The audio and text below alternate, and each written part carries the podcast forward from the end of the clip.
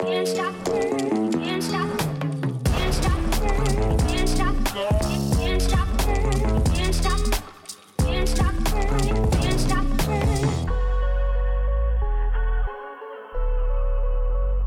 Welkom bij Mit Mit, de voetbalpodcast van Play Sports. Geen Sam Kerkhoffs vandaag, die is naar Madrid getrokken om eh, Thibaut Courtois te overtuigen om naar Mit Mit te komen. Naar een gewone Mit Mit, want eh, elk nadeel heeft zijn voordeel. Het is weer tijd voor een special. Dat is al even geleden. En de special van vandaag gaat over een absolute grootheid.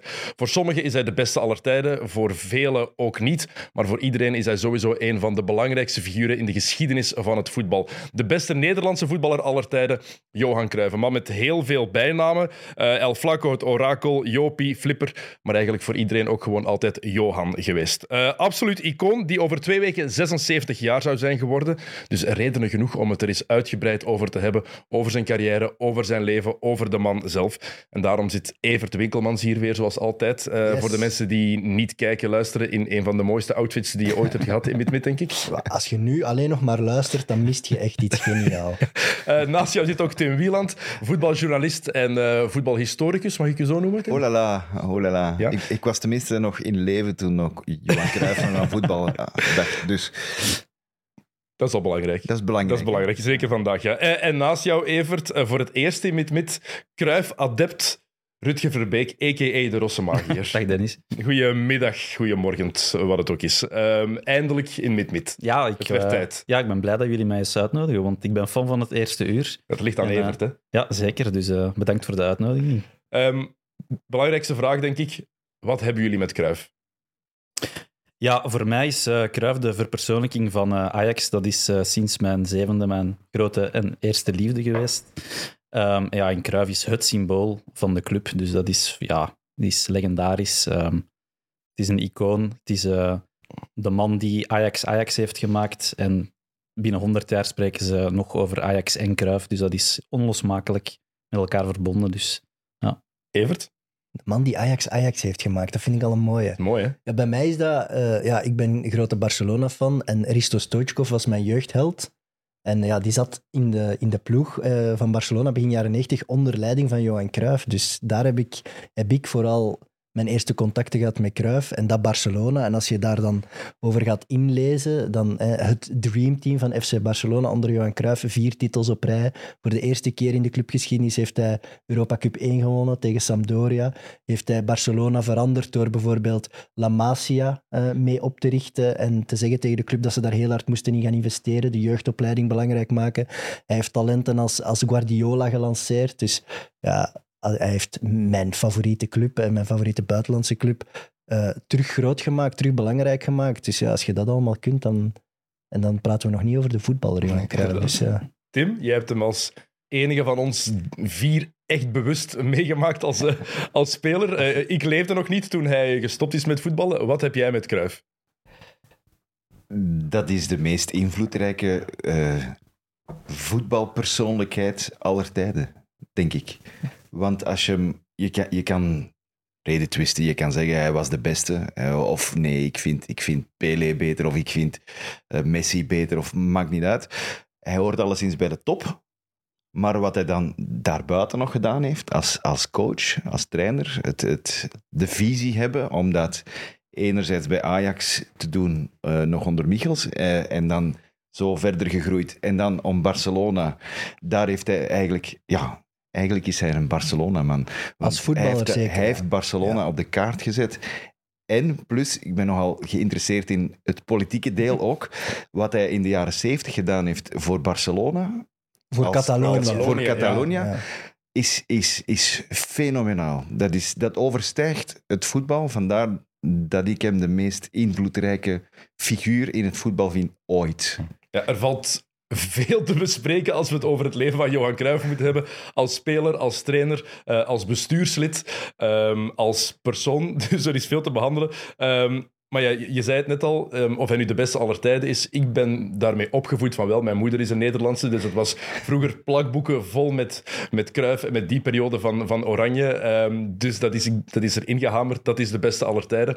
Maar ik denk dat wat Tim zegt, dat het wel belangrijk is. De meest invloedrijke persoon in de geschiedenis van het, eh, Ja. van het voetbal. En vooral, hij heeft dat bij twee clubs gedaan. Wat, wat eigenlijk zelden gezien is. Hij heeft zowel Ajax als Barcelona helemaal naar zijn hand gezet. Zowel als speler als als trainer. Dat is, ja, ik denk dat nooit iemand dat heeft nagedaan. En ook, je ziet dat nu nog altijd, hè, de invloed van Johan Ja. Cruijff, die vind je in 2023 nog altijd terug. Maar het, het, is ook eh, ja, de persoonlijkheid, hè, zo, zoals Tim al zei. Het, is, het, het was meer dan, dan een voetbalman. Het was een soort orakel die op een gegeven moment over alles in het leven of in de maatschappij iets kon zeggen en iedereen hing aan zijn lippen. Dat is, dat is een combinatie die je nog nooit gezien hebt, denk ik. Je, je bent een topatleet, een topvoetballer, je bent geboren met een bepaald talent. Oké, zo heb je er meerdere. Kijk nu naar Messi, Ronaldo, die hebben dat ook. Maar wie hij dan was als mens en hoe hij dacht en hoe ja, intelligent hij over, over het spelletje of over de maatschappij kon spreken, dat was een extra laag die blijkbaar alleen maar Cruijff eraan kon toevoegen. Hè. Iedereen kan zo tien uitspraken van Cruijff opnoemen. Dat, dat is het meest dat fenomenale dat is aan die man. gek. Dat is, als, eh, als Cruijff iets zegt, dat kon de grootste onzin zijn Ja. ooit. Dat is, oh, Maar Johan, ja, dat is, daar moeten we eens over nadenken. Hij zal dat wel met een redig zo Maar dat gezegd was altijd hebben, al zo. Hè. Als je ook zijn interviews als jonge gast terug beluistert, dan hoor je de manier waarop die praat. En dat is zo... Je, je kan dat alleen maar betoverend noemen. Je wil daarnaar blijven luisteren, wat daar ook uitkomt. En dat, is, dat maakt dat nog magisch. Want je kan een mening hebben over alles en een gefundeerde mening hebben, maar de manier waarop je het vertelt, dat, dat heeft toch nog iets extra bij hem. Maar Ja, hij dat moet, is ja. zelfvertrouwen, hè. dat is het. Hè. Hij had, eh, ja, Oké, misschien is dat een, een karaktertrek, misschien is dat een, eh, ja, zelfs misschien een foutje in zijn karakter, maar hij dacht van zichzelf, alles wat ik zeg is, is, is de waarheid. En ook terugkomen op fouten, want hij heeft dingen gedaan die, die niet zo kosher zijn. Dan was het moeilijk om, om Johan zelf te horen zeggen van oei, hier, hier zat ik fout. Of hier... Nou, dan... dan Maar op dat extreme zelfvertrouwen, denk ik, die, die hij had van jongs af aan, daar ben ik wel een beetje jaloers op. ja, Want hij, het- hij heeft een paar misstappen in zijn leven begaan, of toch achteraf dat je zegt, dit was een heel slechte keuze, ook in zijn carrière, dat je denkt, joh, waarom heb je dat allemaal gedaan? Maar door dat extreme zelfvertrouwen ben je dat ook wel weer allemaal vergeten. Je, je hebt alleen maar het goede onthouden en, en, en het magische. En, en ja, net door dat zelfvertrouwen, hij heeft daar nooit lang bij stilgestaan. Ja, ik ben naar Amerika getrokken omdat ik failliet was. Wow, I don't care. Ik ben nog naar Feyenoord getrokken van Ajax. I don't care. Ik ben gewoon Cruijff, punt. Ja. En dat maakt het zo sterk. Het straatjochie dat de, de grootste eh, van de wereld is geworden op een gegeven moment. Ehm, ja, we hebben veel te overlopen, dus ik denk dat het beste is dat we beginnen eh, met eh, hoe hij als voetballer was. Want heel veel mensen die luisteren gaan hem misschien nooit echt gezien hebben. Dus misschien het belangrijk om te weten, met wat voor voetballer nu kunnen we hem vergelijken? Wie is de, de voetballer op dit moment waar je Cruijff het meest mee kan vergelijken? En dat is niet gemakkelijk, want de Cruijff van de beginjaren als voetballer, als echte spits, was niet de Cruijff die uiteindelijk gestopt is als voetballer. Als voetballer, daar, ja, hij is enorm geëvolueerd in zijn carrière ook. is moeilijk, hè? is moeilijk Ja, om te hij was, een, hij was een echte spelbepalende figuur. Hij was inderdaad een doelpuntenmaker, maar hij trok ook het spel naar zich toe. Hij versnelde, hij vertraagde. Hij, hij kon een wedstrijd in zijn eentje veranderen. En ja, zo zijn er nu toch... Dat is zo'n dominante figuur Ja. ook op het, als hij op het veld stond. Als, als hij, hij kon desnoods met, met een, de voet op de bal gaan staan en zeggen: En nu gaat iedereen stoppen. en stopt dan ook iedereen. Dus hij bepaalde van: En nu gaan we even, even kijken. En, en, nu ga, en nu gaan we terug versnellen. Dat is, dat is wat jij zegt, Ja. Rutger. Dat is, dat is exact het- hoe dat ik mij, hem herinner als, als speler. En die eerste titels onder Michels, daar was ik nog te jong voor. De, zo ben ik Maar toen maakte hij veel golen. Toen was Voilà, hij een toen was hij spits meer een, een spits, een doelpuntenmaker, maar in het systeem van Michels. Ja. Waarbij dat er heel veel positiewissels waren, waarbij, waarbij het systeem van Ajax eigenlijk quasi uitgevonden is eh, van, eh, van dat totaalvoetbal. Eh, maar dat is nog voor mijn tijd. Dus daar, daar kan ik moeilijk iets over zeggen. Maar het doelpunten maken maakte hij ook, maar dan weer op zo'n spectaculaire manier. Want veel van zijn doelpunten, die je nu nog terug bekijkt, dan denk je, wauw, dat is... Als Erling Haaland een, een bal uit de lucht haalt eh, op, op, op 10 meter hoogte, ja, sorry, Johan heeft dat al gedaan. Als iemand een, een stiftgoal maakt, zoals Philippe Albert, ja, Johan heeft dat tien keer gedaan. Als iemand met de hak scoort, zoals Ja, met de hak. Bergkamp eens gedaan heeft, De- Johan had het, al- had het al gedaan. Een penalty in twee tijden. Johan heeft het al gedaan. Johan heeft alles. Oké, koppen zet het eerst. Maar het is eigenlijk wel straf dat hij die ontwikkeling heeft gemaakt van pure doelpuntenmaker naar iemand die het spel zo gewoon domineert en bepaalt, die de, de bal gaat halen, al is het van op de eigen helft en dan gewoon voor zich uitkijkt en bepaalt wie waar moet lopen. Want dat was ook Johan Cruijff, als je die beelden terugbekijkt. Hij stuurt iedereen gewoon terwijl hij rustig de bal Ja, over de middenlijn hij- hij was constant dribbelt. aan het wijzen. Hij zei tegen de rechtsbak, je moet vijf meter meer naar daar. Of tegen de linksbuiten van, kom aan vragen of ga diep. Ja, dat is... Dat was een coach. hè. Ja, ja. Dat was een Hij was een coach, coach op dat was het een veld coach al. die op het veld Ja. stond. Op jonge leeftijd Op heel jonge leeftijd al. Dat, ja, het is Maar misschien was het ook een noodzaak, hè, om, om na die jaren waarin hij enorm veel goals maakte, dat je misschien voelde van, ja, dit gaat me niet meer blijven lukken. Eh, een paar blessures misschien, wat snelheid afgebot. En dat hij zegt van, ik ga meer als een soort spelmaker acteren. Dat denk ik ook wel, want het is wel heel opvallend dat hij... Hij zat aan 30 goals per seizoen op een gegeven moment. En ineens is dat ook wel wat voorbij, qua pure goals. Dus ja, hij heeft duidelijk die nummer 9 positie verlaten. Want eh, anders kan ik mij daar niks bij voorstellen. Dat je van zoveel goals naar, naar, naar veel minder gaat. Maar mensen, maar mensen die hem nooit echt hebben zien spelen of nooit highlights hebben opgezocht. Ja, het is gast technisch perfect, Ja. Geweldig.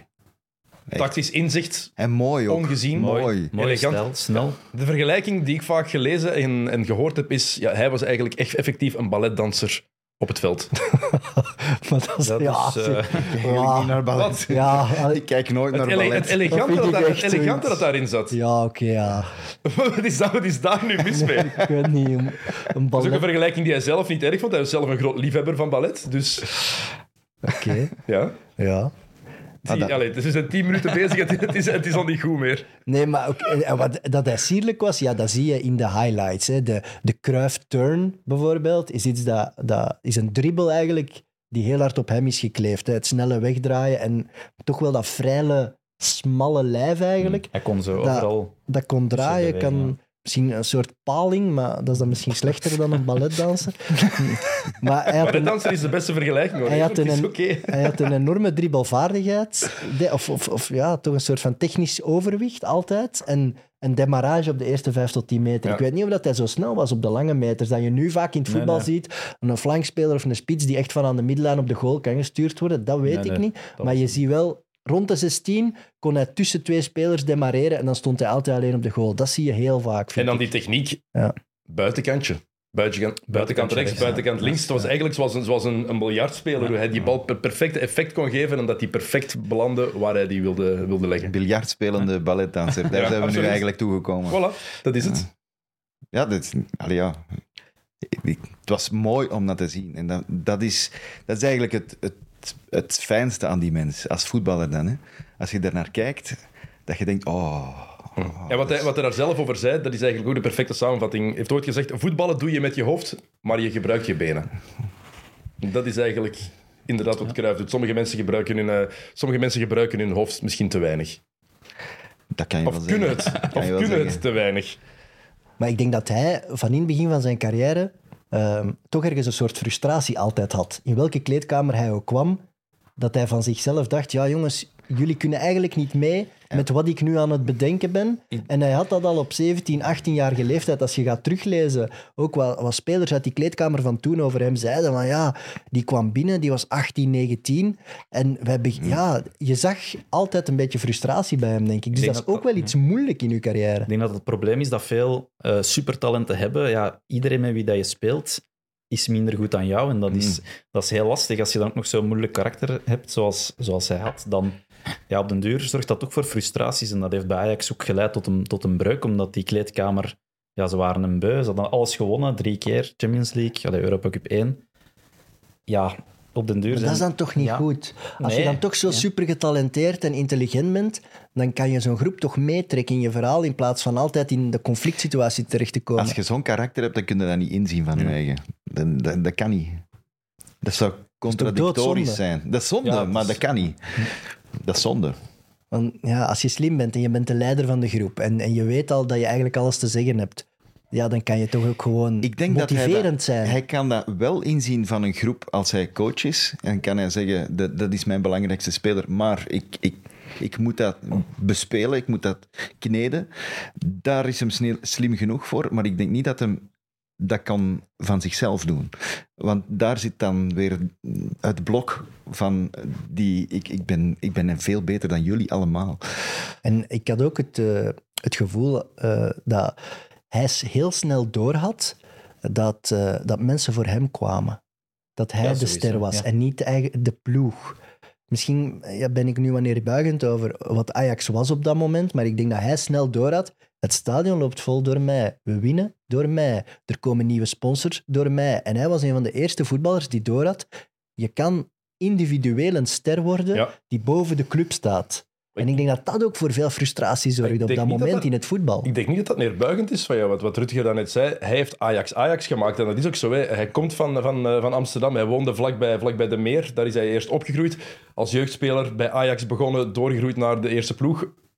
En dan is Ajax pas echt ontwikkeld tot die gigantische club Ja. die, het, die het is geworden. Ja, Ja, want- maar als bestuur vind je dat niet leuk. Hè? Als een speler stilletjes aan zich eh, groter wordt dan de club, dat vind je niet leuk. Hè?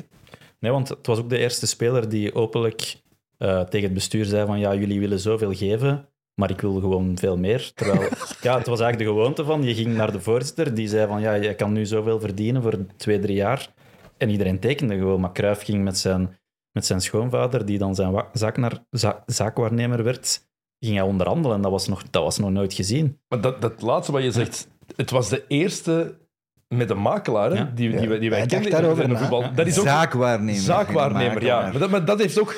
mooi. Je, we hebben het over grote invloed, Ja. die we nog altijd voelen. En we kunnen over het sportieve praten, maar dat is ook een van de belangrijkste dingen. De waarde die een speler heeft, Cruijff heeft dat ook mee bepaald. Maar is dat dan slimmig of is dat binnen, binnen zo'n Ajax of binnen de voetbalcultuur van dat moment echt gewoon extreem arrogant? Nu zeggen we slimmig, ja. want het voetbal is enorm veranderd. En als je nu geen zaakwaarnemer bent, dan ben je gewoon een uil. Want dan kan je, kan je niet alles uit je carrière halen. Dat wordt toch zo verondersteld. Ja. Maar toen denk ik wel dat een bestuur zei: wat gebeurt er hier? Eh, eh, Tuurlijk, we praten over de jaren 60. hè. ja, eh, ik bedoel, die club bestaat op dat moment al heel lang. Er zijn andere goede voetballers, laat ons dat niet vergeten. Absoluut, er waren chique ja. voetballers. Piet Keizer en zo Keizer, speelden daar. Om dan te moeten zeggen, ja, sorry Piet, vanaf nu is het hier Cruyfftown en alles draait rond Cruyff. Dan moet hij zelf toch ook ingezien hebben, misschien ga ik daarin te ver.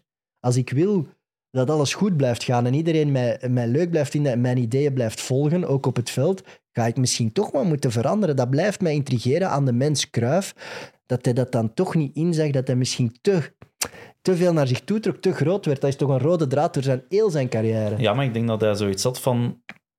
eh, jullie hebben succes door mij, dus als, als, ik, als ik verander, en dan, ga, dan gaan we als groep minder succesvol zijn. Ik denk dat hij... Maar is het ook te groot? Is het ook te groot? Want als je het bekijkt wat het effect daarop is, eh, wat het gevolg daarvan is, hij zei altijd, eh, voetballer zijn dat is een vak. En wij kunnen ons vak maar een bepaald aantal jaren uitvoeren. Klopt helemaal. De mensen komen kijken voor de, de, de belangrijkste spelers, dus moeten die daar ook voor beloond worden. Want zonder Kruif zat de meer niet vol.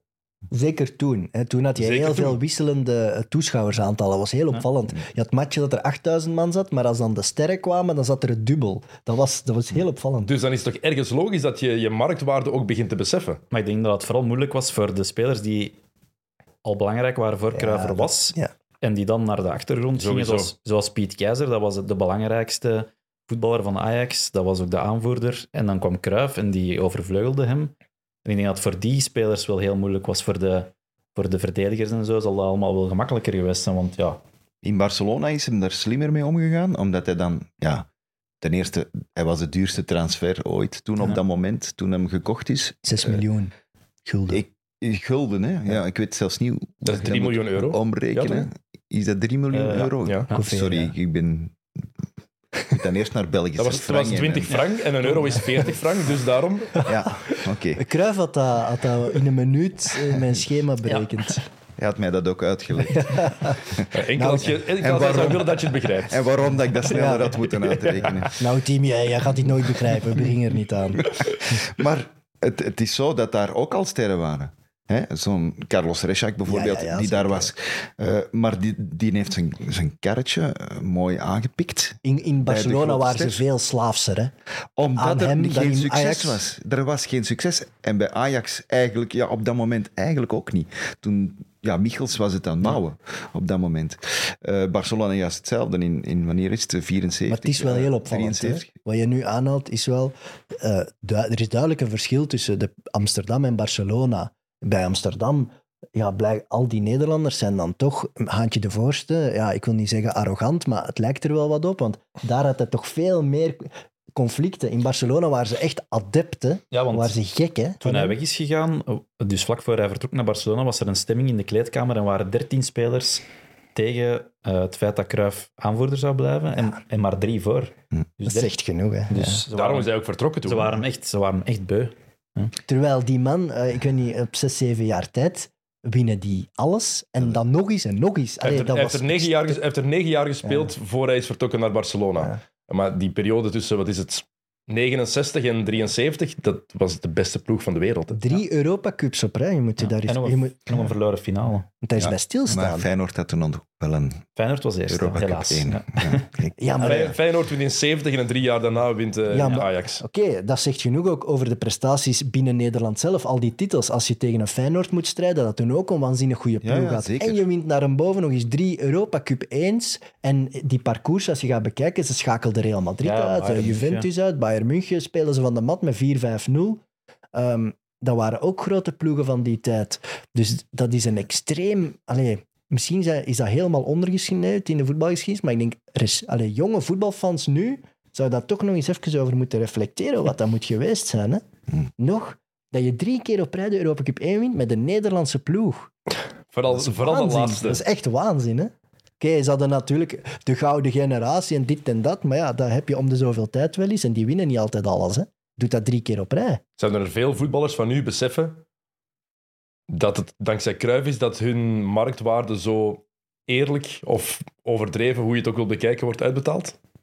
Denk, denk je dat, dat dat het effect is geweest dat het voetbal qua lonen en zo begonnen is met te stijgen? Cruijff, Ik ja, denk zou- dat dat Ja, de het eerste was is geweest, het was ja? het begin, het, het was sowieso gebeurd, maar Cruijff heeft het wel In gang gezet, ja, in hè? gang gezet. Ja. versneld. Ja. Ja. Want ik weet, in, in heel wat Amerikaanse sporten is die geschiedenis, ja, daar wordt daar ook natuurlijk veel meer over gepraat. En ik weet, iedereen beseft, door die generatie, door die speler of spelers, daardoor hebben wij nu deze rechten. Hmm. Ik weet niet of ze dat in het voetbal ook zo bewust beseffen. Misschien ook omdat het gewoon veel groter is. In Amerikaanse sport is één competitie, dat is veel afgebakender. Dit is het wereldvoetbal, dat is veel, veel groter natuurlijk. Maar ik weet niet of er zo mensen zijn die dat doorhebben, dat dat door die ene, die ene Amsterdammer Je komt. ja, je Op het moment dat Johan Cruijff zijn full profcontract eh tekent, is er nog maar één full prof eh, in de kern van Ajax, namelijk Piet Keizer.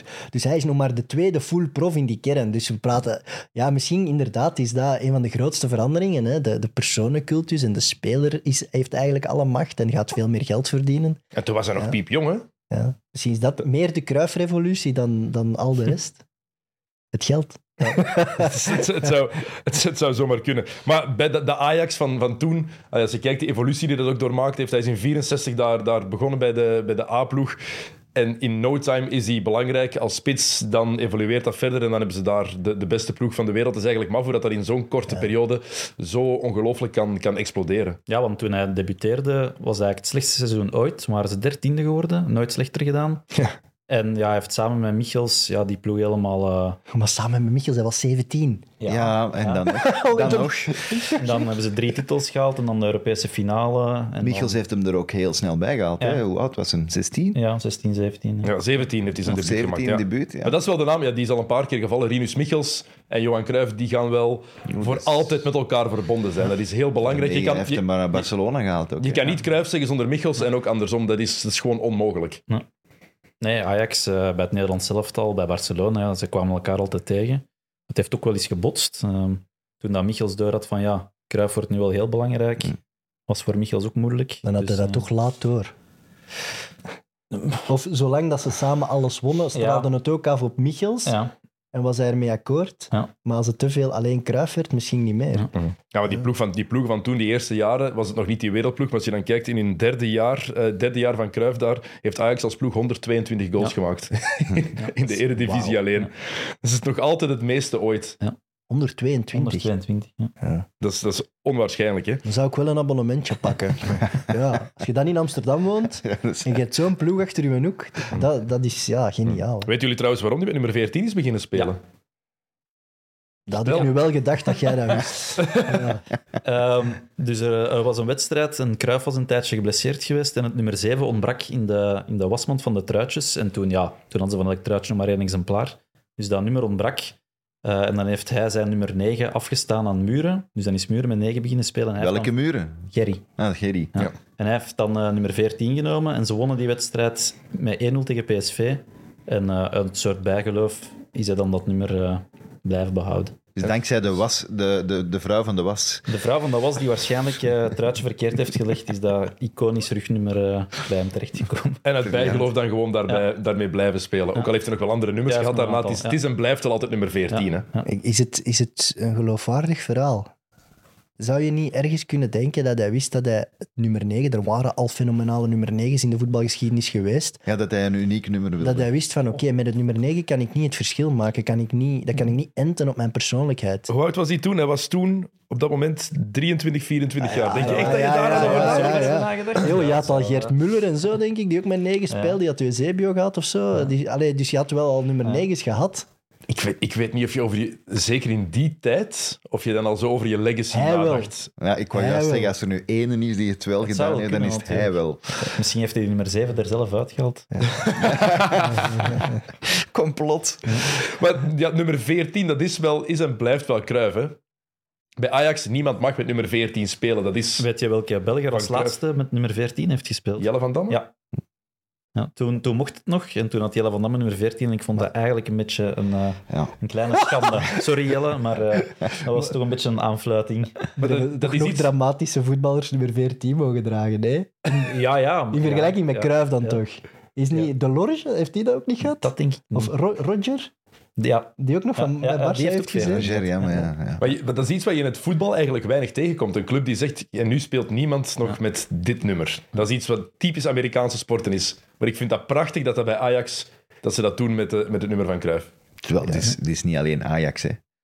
Het is eender waar ter wereld. Je mocht in je, in uw zaalvoetbalploeg met nummer... Als je nummer 14 pakt, dan is het nummer van, van Cruijff, ik heb ook lang met nummer 14 gespeeld. Voilà, en waarom? Omdat dat het nummer van Ja. Cruijff is. Dat is een nummer dat, dat voor eens en voor altijd Johan Cruijff zal zijn. Hè? En best opvallend, want hij heeft vaak niet met nummer 14 gespeeld. Dus dat is een soort cultus gebouwd geweest. Heeft hij daar zelf eh, aan meegedaan? Want hij heeft bijvoorbeeld bij Barcelona speelde hij niet met 14. Nee? Dus ja, het was niet dat het dan voor hem 14 was of niks. Hij speelde met nummer 9 bij Barcelona. Dus ja. En dat heel opvallend, dat inderdaad 14, ja, dat is Johan Cruijff. Hij heeft een absolute succesperiode bij Ajax, die, die drie jaar dat ze de Europa Cup winnen. eh, 71, 72, 73. En toch ehm, is hij in 71 al bijna weg Ja. door geld. En we hebben het daarnet gehad over contracten. Ja, hij wordt vaak bestempeld als geldwolf in die periode in Nederland. Ehm, is dat, hoe zien jullie dat? Is dat geldwolf of is dat gewoon uw eigen waarde eh, effectief beseffen? Ik denk een beetje van beide, want ja, Feyenoord was toen ook heel goed. Ze hadden ook de Europa Cup gewonnen en die zochten een eh, vervanger voor Kindval. En die hebben maandenlang met Cruijff geflirt om hem in 71 naar Rotterdam te halen. Dat is de tweede keer al trouwens. In 64 hebben ze ook al geprobeerd. Ah ja, als jeugdspeler, ja. En ehm, ja, hij had daar wel oren naar, dus het was niet dat, eh, dat hij op voorhand zei van ja, de grote rivaal, dat ga ik niet doen. Dus ja, het, het was voor hem echt eh Business. business. Maar het probleem was toen in 71, hij wou toen één eerst weg bij Ajax omdat hij geen nieuw contract kreeg. Ehm, maar hij mocht niet getransfereerd worden naar een andere Nederlandse club. Hij mocht voor 1,2 miljoen gulden, wat toen een gigantisch Gigantisch. bedrag was, mocht hij naar een buitenlandse club. En de club waar hij eerst naartoe zou gaan, da- gegaan zijn, eh, voor hij naar Feyenoord zou getransfereerd worden, was blijkbaar Waregem. Dat is een briljant verhaal. Ja. Dat is, eh, Hoe wacht, Top, in hè? 71? In 71. Huh? Ik ga het Rutger laten vertellen. Het Ja, dus Feyenoord wou hem aantrekken, maar ja, dat, dat was ofwel te duur, ofwel mocht het zelfs niet, dat weet ik niet goed. Maar, eh, dus ze zochten eigenlijk een, een buitenlandse club die, die dus Feyenoord geld kon geven, zodat die club Cruijff kon kopen. Om hem dan na een half jaar konden ze die dan van die buitenlandse club kopen. En dus ze hadden gezocht. Ah, stro, een stroommansclub zoiets, eigenlijk. ja. Ze, hadden, ze hadden Waregem gevonden. En die speelde- Gevonden. Ja, ja. Per ongeluk. Ja, door, door, door een deal, ehm, iemand- een bestuurslid van, van, van Waregem ehm, was, had een Mercedes-garage, was een Mercedes-dealer.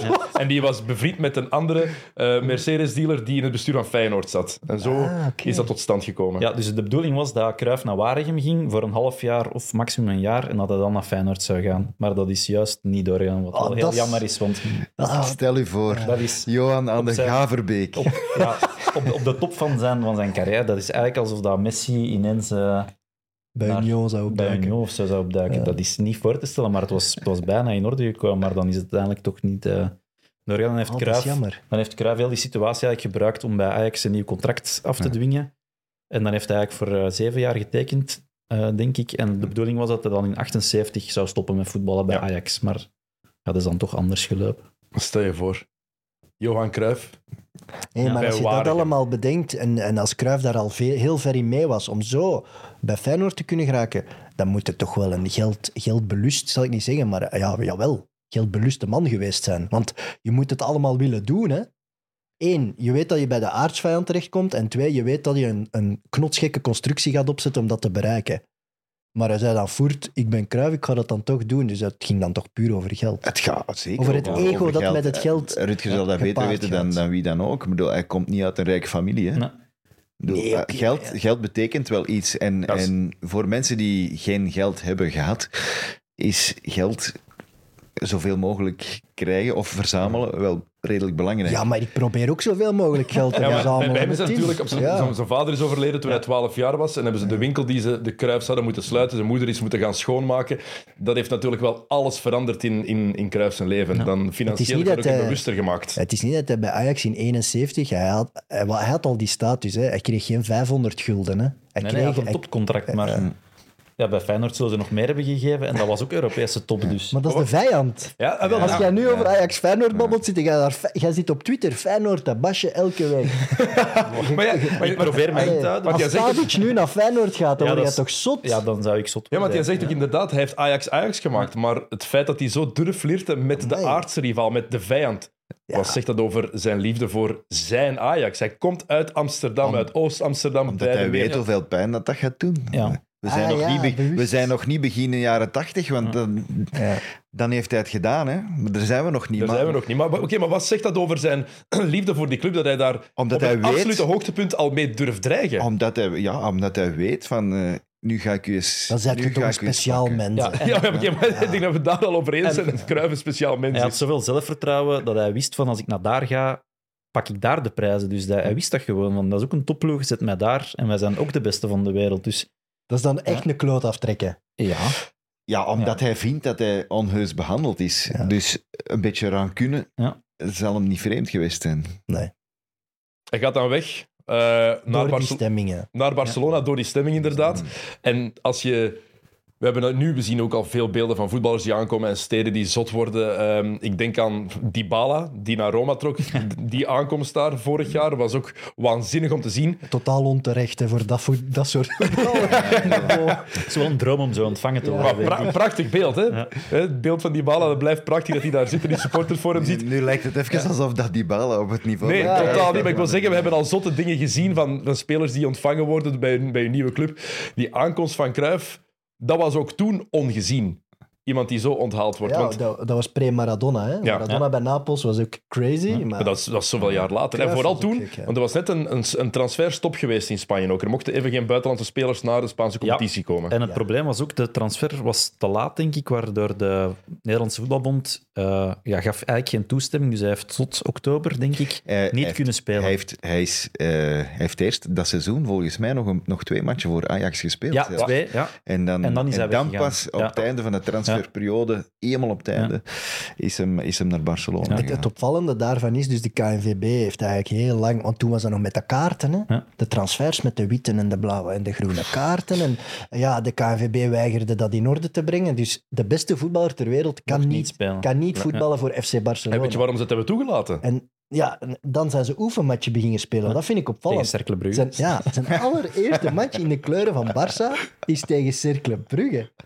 Dus, dus Waregem is hier al gevallen, nu is het dat is toch fantastisch? Fenomenaal, dat Belgisch Onwaarschijnlijk. voetbal. Ja, maar de reden dat hij mocht spelen, dat hij competitiematchen mocht spelen, is omdat ze bij de KNVB beseften, die heeft competitieritme nodig voor, eh, Voor de nationale ja. ploeg. Natuurlijk. Voor Oranje. Opportunistisch. Zo zijn we in de voetbalwereld wel. Hè. Dat is de enige reden dat hij Een jaar voor het spelen. Alleen minder dan een jaar voor het WK. Sorry, maar die mensen in het bestuur van de KNVB die moeten zich achteraf ook een beetje schamen. Hè. Kom, grote jongens onder elkaar. Als Ajax akkoord is met een transfer naar Barça, dan laat je die toch meteen spelen. Oké, dat doet pijn dat hij uit de Hollandse competitie vertrekt. Dat Maar ik. Ajax wilde hem eerst niet naar Barça sturen. Nee, hè. oké, maar hij is ja. naar Barcelona gegaan, omdat Ajax hem eigenlijk naar Real Madrid wilde sturen.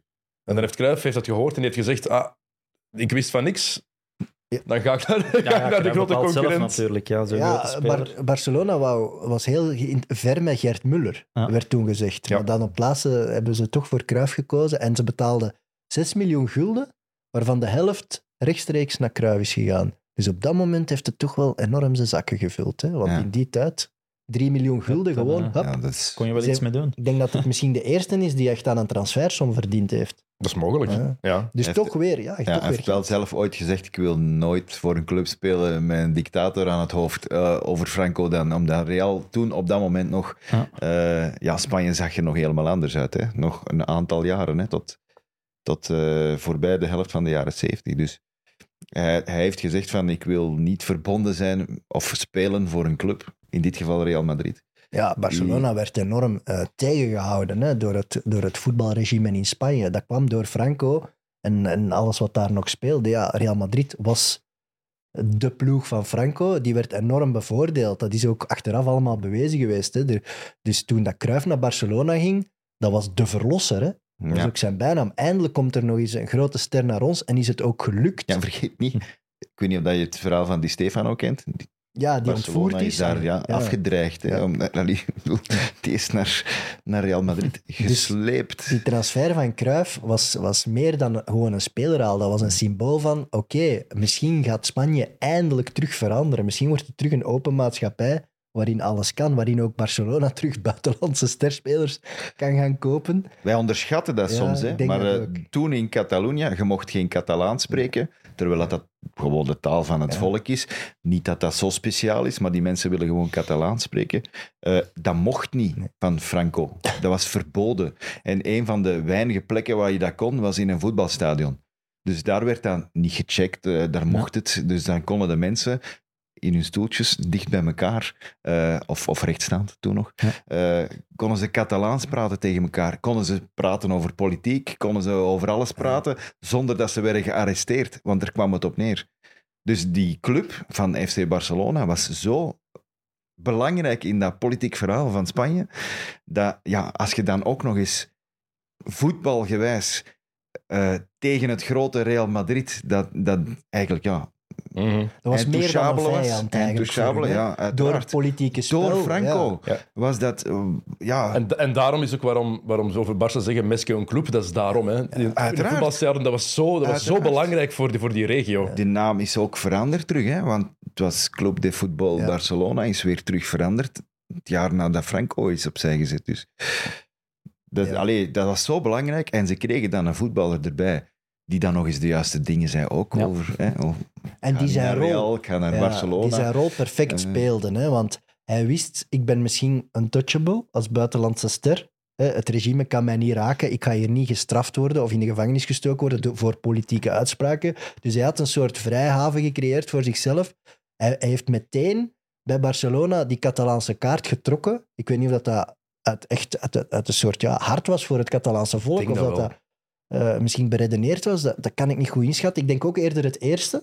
Eh, maar hij heeft dat wel meteen gedaan. Hmm. En hij heeft meteen al die fans voor zich gewonnen door bepaalde uitspraken te doen. En echt wel voor die Catalaanse vlag te vechten en te supporteren. Hij heeft zijn zoon Ja. genoemd naar de Ja. beschermheilige Ja. van Catalonië. dat is Dat- extreem. Dat San Jordi, ja. San Jordi. ja, maar dat is, dat is ook, wel, ook wel uit liefde voor die, voor die regio, denk ik. En voor de, voor de mensen daar allemaal. Want Hoe, hoe dat hij onthaald is ook. Hè. Mhm. Ja, dat is die aankomst in die luchthaven.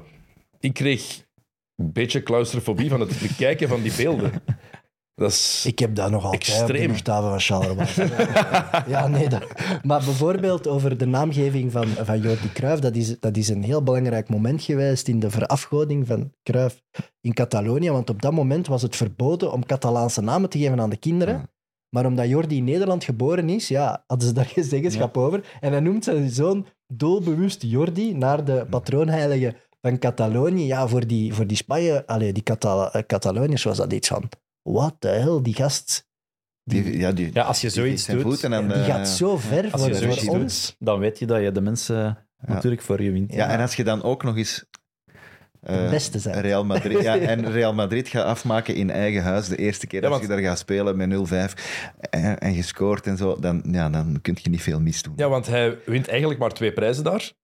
Hij pakt de beker in zijn laatste seizoen en hij wint de titel in zijn eerste jaar. De eerste zeven matchen mag hij niet meedoen en daarin winnen ze maar twee keer. En toch daarna 25 matchen Ja. op rij ongeslagen. Ze onder sinds, Cruijff. 60, sinds 1960 hadden ze geen titel meer gepakt. En Cruijff begint mee te doen en ze verliezen 25 matchen op rij niet. Zegt meteen ook over de impact, veel over de impact die één iemand kan hebben op een gigantische ploeg.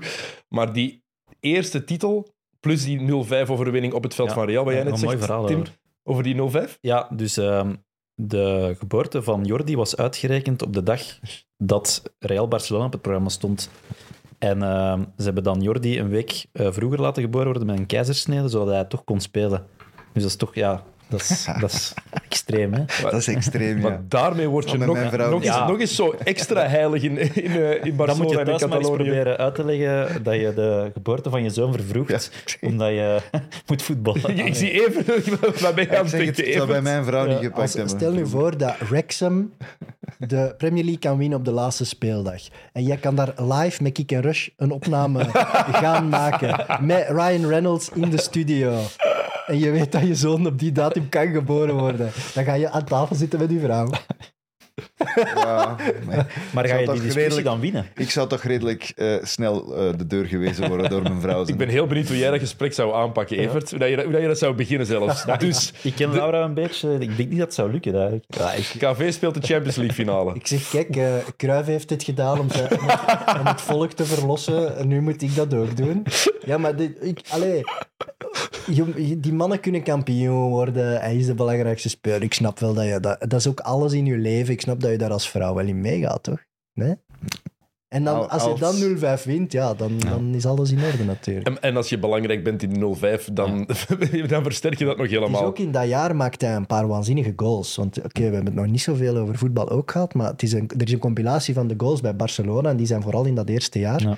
Oh, wat een atleet ook wel. Ja, ik- ja zijn Haaland gewijze doelpunten zijn erbij. Hè, dat dat je denkt, Ja. wow. Wij ballen uit de lucht haalt met Ja, eh, is- Ja, acrobatisch vermogen ook. Zo'n zo'n goal met- ba- Buitenkant ja, bijna hak rechts, Ja. maar boven de hoofden van de Ja. andere spelers. Dat, als ik dat doe, ja, dan lig ik drie maanden in het ziekenhuis. Hij deed, hij deed dat eigenlijk nog voordat dat bestond. Hè, dat, ja, dat vind ik wel zalig. Maar heel opvallend, hè, wat je daarnet aanhaalde. We praten over, Cruyff heeft Barcelona verlost, heeft, heeft Catalonië meer mee op de kaart gezet, maar heeft er niet veel gewonnen als speler. Nee. Hij, als je dan, dat is eigenlijk mager. Maar die ene titel in het eerste jaar, Ja, dat is, dat is er vijf, dat, Dat was de- die, die is er vijf waard, denk ik, voor, voor iedereen daar. Maar ze dachten toen wel, we zijn vertrokken. Hè, want eh, daar, dat kan Ja. je ook terug nalezen, ook in de kranten van toen, van ja, wij gaan Europa bestormen, wij gaan tonen aan Real Madrid dat, dat we hun titels in de Champions League kunnen gaan aanvallen. Niet gelukt. Eén titel en één beker. Ja, één keer halve finale Europa Cup, denk ik. Ja, en veel gedoe met, met eh, trainers. Hè. Michels vertrekt, ze halen een Duitser, eh, die alles had gewonnen met Gladbach. Ja. Cruijff, ja, Cruijff maakt daar zware ruzie mee, want die speelt niet het voetbal dat hij wil. In de media ook. Hè. Die interviews, dat was openlijk gewoon zeggen, de trainer moet gaan of ik ga. tegen een Duitser, bedoel. Ja, maar dat was een beetje vergelijk dat met een Mourinho hè, van toen. Ja, Ja. hij had alles gewonnen. eh, had ook een ego waarschijnlijk. Het zal nog niet. Eh, dus ja, Maar Cruijff wint ook die strijd weer. Hè. ja, Omdat Hup, het die hele Catalaanse publiek, het hele publiek van Barcelona, die staan achter Cruijff, die achtervolgen Cruijff, die roepen, voor, die, die roepen heel de tijd voor Cruijff. Dat is, maakt niet uit. Die- Als trainer, als je nog maar een paar slechte matchen hebt als ploeg, dan ben je niet opgewassen tegen het, ge- tegen het gewicht dat Cruijff daar had. Ik denk ook wel dat je karakter verandert dan ook. Als je, al, je, je hebt al zo'n karakter en dan word je nog eens op zo'n piedestal gezet eh, door een heel volk, eigenlijk door twee volken. En als je de Nederlanders erbij pakt, dan, ja, dan moet je al eens onan- maken ja. met iemand. eh, Dan voel je dat onaantastbaar. hè. je gaat winnen. Hè. Je denkt van, ik mag hier toch zeggen wat ik wil. In die periode, ehm, want hij is dan, ja, uh, die gaat dan weg. eh Michels komt terug, daarmee hebben ze hun laatste succes. Ehm, maar het is ook in die periode dat hij natuurlijk het belangrijkste is voor, eh, voor de nationale ploeg. Daar is hij ook redelijk snel de cruciale man. Hij heeft maar één week aangespeeld. Hè. Heeft Ja. maar één WK gespeeld. Ja. Zo, Doodzonde. Doodzonde. Maar hij had ja. blijkbaar voor, het, voor dat WK dat hij speelt, had hij eigenlijk al beslist van ik speel één WK en 78 doe ik niet, want dat is Argentinië, dat is te ver. Wil zo ver van huis niet zijn. Hij had eens tegen Argentijnen gevoetbald met Ajax voor de wereldbeker. Hij had veel stampen gekregen. Hij zei, ja, dat ga ik niet, dat WK 78, dat doe ik niet meer. Maar achteraf heeft hij gezegd wat de echte reden was, blijkbaar. Ehm, er, is één, er is een incident gebe- gebeurd in Barcelona. In eh, het jaar voor hij op pensioen ging gaan, ehm, is hij overvallen thuis. Gewapende overval. Ehm, en hij heeft in een interview in 2008 pas toegegeven: eigenlijk is dat de echte reden dat ik niet naar eh, het WK in 78 wilde gaan, omdat ik uit schrik voor mijn gezin en mijn familie, Ja. ik wilde mijn kinderen niet nog eens vier, vijf weken Ja. moeten achterlaten. Daar is heel veel speculatie over, hè, over het waarom niet deelnemen aan eh, 78. Hè. Die overval komt er inderdaad terug. En de schrik die vooral zijn vrouw te pakken had. En hij had zo'n hechte band met zijn vrouw dat hij die niet alleen wou laten. Maar ik denk dat hij zelf ook wel iemand was die veel heimwee kon hebben. Hm. En, en dat hem dat ergens dan wel goed om het is een vrouw gaan. die lang de schuld heeft gekregen. Ja. Jordi Cruijff heeft een paar jaar geleden ook nog een interview gegeven waarin hij ook gezegd heeft, nee, nee, voetbalbeslissingen, mijn moeder nam die niet. Het was mijn vader zelf. En die, die overval, ehm, waarin hij effectief een geweer tegen zijn hoofd heeft gekregen, een Nederlander die een overval heeft in hun eigen appartement in Barcelona, dat was blijkbaar, zei Jordi ook, dat was de druppel. Daarom is hij, is hij, niet, naar, is hij niet naar Argentinië gegaan. Ja, Het kan. Het, ja, ik dacht, want er was, al, er was veel te doen om die, om die organisatie van Argentinië. hè, met de junta eh, in Nederland was dat bloed aan de Ja. palen, was dat toen Ja. zeker? Eh, de show van, eh, wie was het, Bram Vermeulen zeker en zo. Die, die, waardoor, er zijn een aantal voetballers ook opgestapt die dan ook niet meegegaan zijn. Freek de Jongen en zo. ja, Freek de hele Jonge was daarbij. Freek de was er ook Er is bij. toch een spits ook niet gegaan, denk ik? Ja, jawel, er zijn er verschillende niet gegaan daardoor. Eh, zo van, we willen met dat regime niks te maken hebben. Vandaar 78 hebben ze wel de finale gespeeld. Wel redelijk goed gespeeld, maar 74 was het moment. Ja, toen niet hadden ze het moeten doen. 78. Hè, ja. 74 waren ze ja, top van de wereld. 74 was Super het goede hè. generatie. En ja, ze waren er heel dichtbij, maar ja, in de finale was hij ook niet zo goed. Heb ik eh, In- gelezen. Ja, Ja. het WK 74, Nederland verliest de finale van West-Duitsland. En toch, als je praat over het WK 74, is er maar één ploeg waar eigenlijk over gepraat wordt. En dat is Nederland. Dat is hun WK, ook al hebben ze dat niet gewonnen. Knettergek Ja. voetbal. Zo Ja, omschrijven. Ja. Knettergek Ja. voetbal. Die hebben geen goal binnen gehad hè, voor de finale. Nee, maar hoe dat die, hoe dat die speelden, die, die liepen gewoon op een gegeven moment met 11 naar voren ook. Ja, ja Eh, die speelden allee, voetbal dat je op dat moment... Knet, allee, als je nu praat over pressing vooruit en zo, Hm. er waren momenten in wedstrijden, want je kan dat nu allemaal terugzien. Eh, dat is echt gek. Die lopen dus gewoon op een gegeven moment met tien, hè, behalve de keeper, gewoon op, op, een, op een, iemand zijn signaal op het veld. Die lopen gewoon naar voren. Ja, hè. dat was dat totaalvoetbal, hè? maar dat van is Michels, hè? Waar iedereen moet ook op iedereen zijn positie kunnen spelen. Je, mocht, je moet Je kunnen switchen. Daar, ja, je snapt daar eh, niks Guardiola, zit te kijken. twi- eh, 40 jaar voor, voor, of 50 jaar Ja. voor datum. En dat was dan toch meer Kruif dan Michels, denk ik. Ja, maar je, je hebt een coach die iets beslist en je, en je traint daarop. En je hebt een speler die... De Bruyne doet dat ook soms, hè. Het is echt ook... Jongens, het is de nu gaan moment, we. hè. hè. Ik weet niet of dat hij zoveel eh, zelf beslist als dat Kruif dat deed. Dat weet ik echt niet. Ik weet niet of er zo'n spelers nog zijn. Die ook die macht krijgen. Ja. Dat denk ik Ja. vooral. Want Michels die gaf, die gaf Cruijff in dat WK ook gewoon de mogelijkheid. Oké, hier is uw rol, vrije rol, doe maar. Want Er zijn, er, zijn, er zijn principes, maar jij bepaalt die principes als we aan het spelen zijn. Hoe gek dat die speelde, hè? dat kan ik bijna niet geloven dat je als coach... Dat, dat zou ik durven. Echt waar. Dat, alleen, met- zo met ene steekpas konden sommige ploegen alleen voor Ja. met zeven alleen voor de goal Ja. staan. Hè? Maar ja, Ja. die waren zo onder de indruk van dat spel dat dat vaak niet ging, dat Hollandse wegspeelde. Maar allee, dat was extreem risicovol. Hè? Oh, ik herinner mij nog een hè. wedstrijd tegen Brazilië. Ja. Ik denk dat het kwartfinale was of zo. Of, of die tweede ronde, ik weet het al niet meer. Ja, Dat, was, laatste- dat was zo in twee eh, ronden. Dat was de laatste in- match van de tweede ronde Ja. voor de finale. Verschrikkelijk slecht weer. En die Braz- Brazilianen die hebben daar gehakt. Ja. Man, man, man. ja. Oké, de, de Nederlanders hebben, hadden er ook Ja, ja. een paar die, die serieus Zeker. iets konden, konden terugdoen. En die hebben ook tegengas gegeven. Maar dat was de manier waarop dat Brazilië, waarop dat je denkt, hè, Brazilië, wereldkampioen in Ja. 70, geweldige ploeg, prachtige voetballers. Het was een nieuwe generatie, daar niet van. Maar dat die tot zoiets moeten gedwongen worden bijna, omdat ze weten, ah, die tegenstander is te sterk, we geraken niet aan de bal. Als Cruijff, ja, je ging daarop, die deed een beweging, up, en je waart uitgespeeld. En heel je ploeg lag in, in, in duigen, Dus verdedigend. stampen. Ja, dus Ja, stampt enige hem dan, nog, ja. Dan is hem, dan is hem Ja. tenminste niet weg. En andere mensen ook natuurlijk, want er waren nog goede voetballers in die ploeg. Ja, ze hadden een ultieme combinatie van eh, aanvallend talent eh, en smeerlapjes ook. Hè. Ja. Haan, Neeskens. Mm, maar ja. Ja, waren mannen, als je die naar de oorlog moest, ja. dat kon, die konden dat wel. Hm. Ook Eh, achteraan. Jonge mensen, die, jonge gastjes die aan het luisteren zijn, of jonge meisjes die aan het luisteren zijn, die denken totaalvoetbal. Wat de fuck is totaalvoetbal? Wat dat, dat is. Ja, Leg dat eens uit. leg dat eens uit. Wat is totaalvoetbal? De, eh, ah, wel, dat is een concept. Eigenlijk, feitelijk, is dat waar dat je ook staat op het terrein, je, gaat je gaat je verplaatsen. Je gaat niet stilstaan, want vroeger als je een opstelling had, jij zit de linkse mak, jij zit de rechtse mak, jij zit de twee centrale verdedigers, jij zit, jij zit de, de laatste man, eh, jij moet op midden. Iedereen bleef in zijn positie en je speelt de bal naar elkaar toe. Dat was het oude concept wat Michels daarvan gemaakt heeft, vooral toch Rinus Michels, dat is, je gaat verplaatsen. Je gaat je, je gaat u ergens anders zetten. Jij gaat u anders zetten. En jij moet in staat zijn om als rechtsvoor midden-midden te spelen.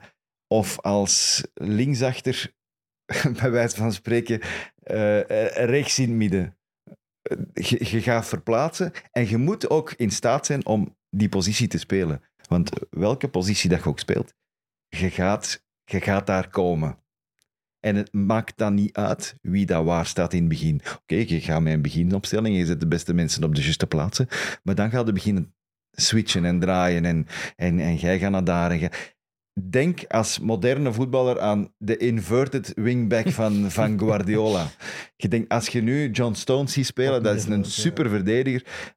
Dat is een verdediger. Waar speelt hij? Die speelt op het middenveld. Die, die, die speelt niet meer van achter. Ja. Eh, ah, je hebt er nog andere gehad ook. Maar dat is zo het idee dat er dichtstbij komt, vind ik. Er wordt Zo. van spelers verwacht dat ze op elke plaats Ja. het verschil kunnen maken, omdat dat- ze goed zijn. En dat ze die positie ook kunnen invullen. Maar dat, dat, lijkt, dat lijkt me als tegenstander van toen heel Dat is- ja, totaal verwarrend. verrassend, want ineens verandert heel het spel. Dat is Ieder- verwarrend. Iedereen loopt maar overal en Dat is ja, verwarrend. dat is je- superverwarrend.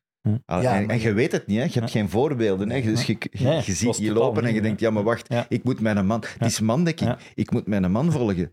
Ah nee, wacht, Ja. want dan sta ik uit mijn positie, want mijn ploeg doet dat niet. Dus jij volgt die, de andere gaat mee. Eh, oh, oh, er zit Ja. er hier... eh, En maar ondertussen is er, is er een bak en die is, die is spits aan het spelen. Want, de, want de, wereld, de voetbalwereld had dat al gezien door de successen van Ajax daarvoor. Maar toch, in, op dat WK in 74 is dat echt helemaal tot ontplooiing gekomen. Dat was echt de... Ik denk dat niemand had verwacht dat ze dat zo in het extreme gingen doorvoeren. Met de nationale Ja, ploeg. want Ja, je want dat is krijgt, toch moeilijk? Ja, Ja. Voilà, je krijgt eh, spelers van Feyenoord, PSV. Oké, dat waren ook allemaal topploegen toen. Ajax bij elkaar. Maar die andere ploegen waren dat niet gewend. Eh, hè, die spelers van PSV en Feyenoord. En toch deden ze het met Holland en, op, en, en draaiden het eigenlijk door het talent van die spelers misschien zelfs nog, nog op een hoger niveau. Want dat, allee, ze hadden wel het talent. Hè. Je kan dat totaalvoetbal niet zomaar gaan neerplanten bij een KV Mechelen, want dat draait helemaal in de soep. Je, je hebt wel zeker, allee, je hebt tien topspelers nodig om dat te Ja, kunnen, je want je hebt een een- linksbak nodig die plots aanvallend van alles moet gaan Je doen. hebt intelligente En je hebt een mid die plots als, als nodig, libero ja. de bal gaat opvragen bij een doelman en zo van die dingen. Dat bestond allemaal nog niet. Dus je had wel dat talent nodig. En dat hadden ze doordat het Nederlands voetbal toen het beste van de wereld was. En omdat ze die dirigent ook hadden, die het dan ook nog eens op het Ja. veld in de juiste banen kon leiden met Cruijff. Ja, ja, Dat maakt het allemaal nog Ja, ze hadden, gemakkelijker. ze hadden één supertalent, wat, wat inderdaad dan nog ja, next level is natuurlijk. ja, maar bijvoorbeeld een Van Hanegem bijvoorbeeld zal zich ook wel op die categorie zetten van Cruijff. Nee, of zet hij zichzelf daar net onder? net die vond onder, zichzelf denk ook een Ja, ik Ja. denk toch wel van Willem kennende. Ze hadden een waanzinnige ploeg. En je, Neeskens en- daarentegen, Ja. die zal zich... Ik kan niet genoeg benadrukken hoe, hoe gek dat was. Toch? Dat totaalvoetbal. Want nu is dat misschien een uitgehold principe, omdat iedereen zegt, nu kan je daar niks meer mee winnen. Guardiola heeft dat terug wat groot gemaakt, maar dan hebben ze beginnen beseffen, oh, het totaal wil allemaal goed en wel, balken rondspelen, op balbezit en domineren, dat is goed, maar je gaat niet meer naar de goal. Maar volgens mij, als je het kan uitvoeren op de juiste manier, dan is dat nog altijd de leukste en meest swingende manier waarop je kan ja. voetballen. En daar, dat vond ik het geniale aan Cruijff. Hij zei dat zelf ook. Punten en overwinningen, dat interesseert mij niet. Dat zal een gevolg zijn van aanvallend voetbal. En dat vind Ja. ik Dat is misschien Guardiola het ook. beste aan Cruijff. Dat is exact hetzelfde. Als fan en toeschouwer is dat het Ik heb dat nu ook nog altijd, als ik naar Ajax kijk, ik heb veel liever dat die een, een mooie wedstrijd spelen en 2-2 spelen, dan, dan dat ze met 1-0 echt een heel slechte match spelen. Dat interesseert mij niet. Dat is, jij Ja. volgt nu Ajax op de voet. Ja. Dat is toch echt elke keer als er eh, als er een soort van tactische aanpassing is aan een tegenstander of zo. Ja. Vroeger gebeurde dat niet. Ja. Als dat nu gebeurt, je, je hoort dat echt, hè, dat gejoel. En mensen zijn, zijn kwaad als dat gebeurt met Ja, Ajax. En sowieso vooraf, als, als er al gespeculeerd wordt dat ze misschien eens 4-4-2 zouden spelen, Europees, Bijvoorbeeld. dan staat heel de Nederlandse media al op zijn kop van, van ja, dat gaan Kan we toch niet. echt niet doen. kan het op Dat 2K bij Van Gaal. Hè. Ja, ja. Hij ja, wordt erop afgerekend Ja. vanaf dat ze eruit gaan. Ja. Ligt het aan de opstelling dat geen 4-3-3 Ja. is en te weinig geloof in Ja. eigen kunnen. Ja, Cruijff deed dat niet. Hè. Hij heeft er ook daardoor, zeker als coach, zware nederlagen mee geleden. Hm. Omdat zijn spelers het niet konden. Altijd dat aanvallend dwingend voetbal. Maar als fan en supporter heb ik daar wel mijn beste momenten Hm. mee meegemaakt. Met coaches die wel die het mooiste, filosofie aanhielden. Ja. Guardiola, maar op lager niveau heb ik dat ook gehad met een Wouter Franke. Die ging uit Ja. van hun Voetbal. eigen aanvallende kracht. Liever zwaar op je doos gaan Af en dan het toe, niet proberen. Af en toe, ja. af en Ja. toe Ja. krijg je op je bek. Ja. Ehm, Als coach dan toch vooral, Ja. bedoelde. Ik, ja, ik, we gaan het er straks over hebben, maar Cruijff heeft een 4-0 gehad in de Champions League Maar finale. dat was Milan een- wel echt goed, hè. Ja, dat komt Barcelona was toen ook heel goed. hè. dat komt ze bieden, inderdaad. Wat ik niet wist, eh, en ik heel opvallend vond, eh, dat eh, Nederland 36 jaar niet had, eh, niet had meegedaan aan het WK voor dat van 74. Die waren veel minder goed dan. België, hè. Dat is toch maf? Raar. Dus die doen voor het eerst in 36 jaar mee en die halen direct de finale. Ja. Terwijl dat ze daarvoor ook wel nog goede generaties In hebben. 72 missen ze het EK, in 72, 70... Oké, maar het EK in 72 was met vier, hè. Ja, Niet vergeten, hè. oké, maar het is wel... Ze halen de finale in... Ja, maar het is niet gelijk met 32, Nee, dat is- gelijk dat nu is. Hè. Je, je- mensen die nu, Nu speelt kijken, die iedereen denken, EK. oeh, die waren er zelfs niet bij op het EK. Ze waren met vier. Mhm. En waarvan één het organiserend land was. Allee, nee, dat is niet waar. Die moesten zich ook plaatsen. Maar 72 was nog in België, hè. EK. Mhm. Ja. Ehm, dat WK 74 wordt onthouden door dat geweldig spel van Nederland, door de verloren bekerfinale en door een van de schandalen in de carrière van Cruijff, het zwembadschandaal. Oeh. Ja. Was dat niet in Dortmund? Of, nee, dat, was, Ehm. dat was toch in het Zwarte Woud of zo? Ja. ja, dat was Dat na de overwinning tegen Oost-. Oost-Duitsland. was er een zwembadfeestje. En ja, dat is ook weer zo'n mythisch verhaal geworden waarvan nooit echt de waarheid naar boven is gekomen, denk ik. Maar ik weet wel dat de vrouw van eh Cruijff heel kwaad was eh, toen dat, dat uitlekte in de pers. Dat Oké, er, wat is er gebeurd? ja, dus er was een feestje na, na de overwinning en daar waren dan... eh, Er zou, er een, zou de er vrouw- zou een, een, een kleine bus eh, dames ja. zijn uitgenodigd om mee dat, dat feestje te vieren. Ja, jij, jij praat wel heel beleefd, hè, Wieland? Ja. Vrouwen uitgenodigd om dat ja, feestje... er waren dus Dat is toch hoeren. mooi gezegd? voilà, voilà. Dat is wat Evert wil horen. Ja, ja, maar ja...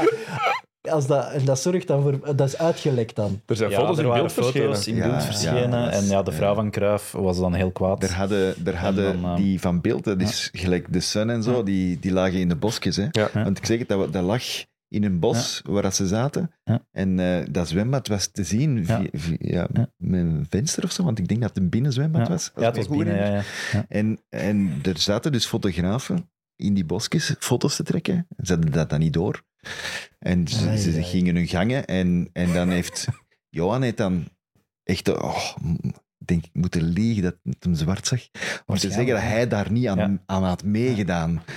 Ja, Die waren daar wel, maar, maar dat waren dat- die andere voetballers. Hoe krijg je dat uitgelegd thuis? Maar het, is, Ja. het, is heel, maar het is heel lang beweerd dat dat de reden is dat hij niet Ja. mee is mogen gaan naar Argentinië in Ja. 78. Dat, Ah, dat zijn vrouw gezegd heeft van nee, nee, na dat, dat schandaal met dat zwembadfeestje, daarom mag je niet Ga, gaan. go- ga gewoon. Ja, blijf thuis. En ook dat dat de reden is geweest dat de finale zo slecht was van Cruijff. Want Ja, Cruijff was niet goed in die match. Nee, dat wordt Omdat gezegd. het te zwaar Ja. van Bill was gegaan. Nee, nee denk ik door de commotie. Denk De emotionele gevolgen, hè? Ja.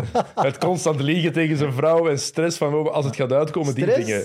Hé, maar niet vergeten, dat was wel beeld, hè. dat is een Duitse krant. Hè. En de finale was wel tegen Duitsland. Dus die destabilisatieactie van die Duitsers was wel ongelooflijk goed gelukt. Hè.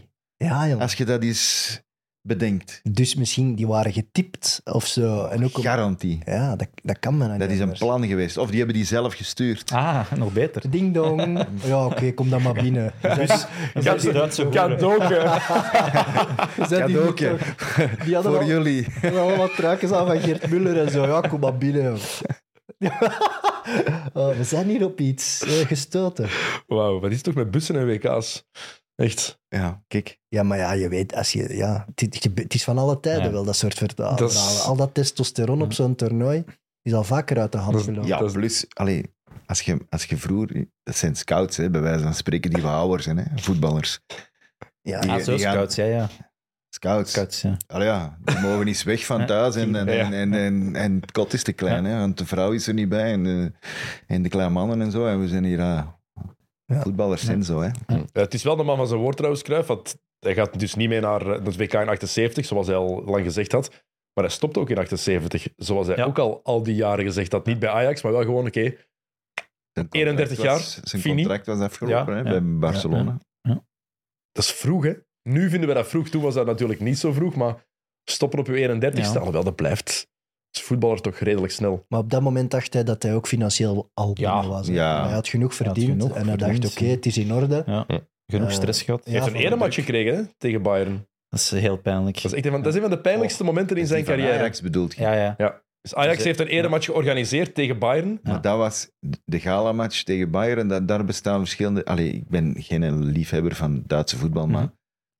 Maar ik heb ook de kant van Bayern gehoord daarin. In dat verhaal. Vertel. Ja, ze hebben dus gigantisch Ja, Kruif afgemaakt. hè. Ja, Die- 8-0. 8-0. Dus Ter ere qua- van Cruijff. Ter ere Ter ere van, van Cruijff. Ter ere van Cruijff. Ja. Bayern wordt uitgenodigd. En ze, ze maken die af dat geen naam heeft. Maar blijkt, en dat, is, dat, is- dat heb ik gehoord van... Ik denk dat het Roemenigge was, maar ik ben niet zeker. Ah, maar je hebt goede connecties. Nee, maar nee. Voor Belga Sport heeft hij gebeld. Dus. Dus Roemenië heeft iets Ik gezegd. dacht dat Roemenigge was die zei van... Wij, wij waren toen uitgenodigd en eh, er was niks in orde. Dus wij, zijn, wij moesten afgehaald worden eh, op de luchthaven eh, en dat was niet geregeld. En dan moesten ze nog een bus regelen en weet ik veel. En er werd geen aandacht aan ons besteed. Wij mochten gewoon aanwezig zijn op het feestje van Johan Cruijff. Ja. Terwijl wij wel Bayern München zijn. En als je een gala-match speelt, dat je dan een grote tegenstander haalt, dat je die dan met de nodige egaars behandelt en zegt van, oh, het grote Bayern komt. En als dat was gebeurd, zal Bayern wel, wellicht niet op die manier hebben gespeeld, gelijk dat ze het nu hebben gedaan. Want nu hebben ze gespeeld, en dat, geven ze dus zelf toe in, de- in datzelfde artikel dat ik, dat ik gelezen heb. Ja. Ze waren zo gebrand om, om eigenlijk het, het- hun gebrek aan respect dat de Nederlanders hadden getoond, om dat recht te zetten. Om te Ze zeggen van, ah, wel, als het zo zit, gasten, dan, Ja. dan gaan wij echt ja, maar Dat en die pandoeringen die ze vroeger hebben gekregen tegen keer Ajax zwaar gaat ook een rol gespeeld hebben. Ze Ja. hebben in die begin jaren 70 hebben ze zwaar op hun doos gekregen af en toe. Hè. Ja. Maar dan zeg je toch tijdens de match, eh hey, eh, beste Duitsers, het is nu al 3-0. Je- eh, Holland-. Ja, Holland en Duitsland. Hollanders die tegen Duitslanders, dat is, eh, Duitsers iets zeggen. Nee? Duitslanders, Vraag, vraag dat maar eens aan Boskamp. eh. Dat is, jullie dat is. Allee, je praat toch even op dat veld. Hey, dat is hier het afscheid van de grote Johan Cruijff, nee, jongens. nee, nee, Het nee. stadion zit hier vol voor hem, niet voor jullie. Kom, laat er dan gauw nog een paar binnen. Allee, dan speelde er nog veel meer dan gewoon niet afgehaald te zijn aan de luchthaven. wel, Volgens die, mij die, gaat het die van Doeringen, dieper. denk ik ook. Nee, Eh, we gaan zo met- gaat het, gaat het wat. Het- Rutger er was, zijn, er, zijn er wat woorden gevallen ooit eens eh, over de oorlog en wat slechte nazi-moppen? Dat denk ik. Eh, uit het want publiek moet hebben ze pijn inderdaad ook hebben. nazi-schweinen zitten, Voilà. zitten roepen. Galamatchje was geen groot succes. ehm, en dat eerste pensioen was eigenlijk ook geen groot succes. Want het heeft niet lang geduurd Nee. voor Cruijff eigenlijk terug is beginnen voetballen. Nee, nee, hij wou een soort zaak-imperium starten met een vriend. Ehm zowel vastgoed, een varkenskwekerij, wat van alles. En dat is eh, helemaal mislukt. Die vriend is met al zijn geld gaan lopen, dus hij was eigenlijk, ja, hij was al zijn geld kwijt. Dus het enige wat er nog op zat, was om terug te beginnen voetbal. Ook, hoe kom je erbij om te willen investeren in een varkenskwekerij? Ja, Dat je je daarvoor laat overtuigen. Ja, als- als iemand tegen u zegt van Dennis, ik heb, eh, ik heb hier een geweldig Ja, idee, eh, en dat kan ons zoveel geld op, opleveren. Ja. Eh, dat, is, dat is wel een varkensboerderij, maar dat gaat keiveel opleveren. Jo, Of je dan maar. zeggen, ja nee, zo, een varkensboerderij, dat ga ik niet doen. Nee, Ja. je zegt dan gewoon, wat gaat dat, wat gaat dat opleveren? Ah, oké, is goed. Jij bent een maat, we doen dat. en Cruijff kennende kende hij waarschijnlijk ook wel iets van varkens. Dus. Want het heeft niks opgeleverd. Nee. Maar ze starten een investeringsvehikel en ze openen een, een chic kantoor op een van de duurste plaatsen van Barcelona. Dus ja, er zat wel een idee achter. Maar bleek dat vooral die vriend, Die eh, vriend met, was niet te vertrouwen. met al het geld is gaan lopen en een valse contracten heeft laten tekenen en eigenlijk heel veel geld van zijn carrière heeft overgesluist naar hem en dan met de Noorderzon is verdwenen. Ja, de schoonvader van Cruijff, die, die zaakwaarnemer, die had hem al gewaarschuwd. Geen goed idee. Pas op. Doe dat niet. Hebben gebroken dan. Ja. Omdat Cruijff toch met zijn maat wou verder gaan. En dan, het is achteraf wel weer goed gekomen met die schoonvader. Maar Ja, moet toch enorm veel pijn gedaan hebben voor een trotse persoon als Cruijff. Zeker in die Dat- zo voor zijn geld gevochten heeft. Ja, En die- waarvan toch wordt geacht dat hij, dat hij een hele hoge intelligentie heeft met wat hij in het voetbal heeft gedaan. Dus je zou denken dat hij dat wel allemaal doorhad of kon zien. Maar daar wordt hij dusdanig in het zak gezet dat hij eigenlijk heel zijn leven op zijn kop wordt gezet. Hè? Want heel zijn plan van het pensioen valt in het water puur door die financiële beslissing. Maar Hij is dat die, moet pijn gedaan hebben. is die vriend dan nog genialer dan Cruijff? Want als je een geniaal iemand als Cruijff in het zak kunt zetten, Ja, dat moet zijn. dan... Dat moet zijn. Heeft hij ooit iets over voetbal gezegd? Dat denk ik Ik denk niet dat er ooit nog iemand van gehoord heeft van die mens. Ja, maar hij, heeft, hij is terug moeten gaan shotten, Ja. wat niet de bedoeling was. En dan kiest hij ervoor om opnieuw naar Rinus Michels te gaan. Want dat is het eigenlijk, hè? Hij is naar Amerika getrokken. Ja. In L.A. En wie zat daar? Ja. Rinus Michels was daar trainer. Ja, hij had eigenlijk ooit een voorcontract getekend bij New York Cosmos. Om, ehm, als hij in Amerika zou gaan voetballen, moest het daar zijn. Dat is dan niet doorgegaan, omdat hij...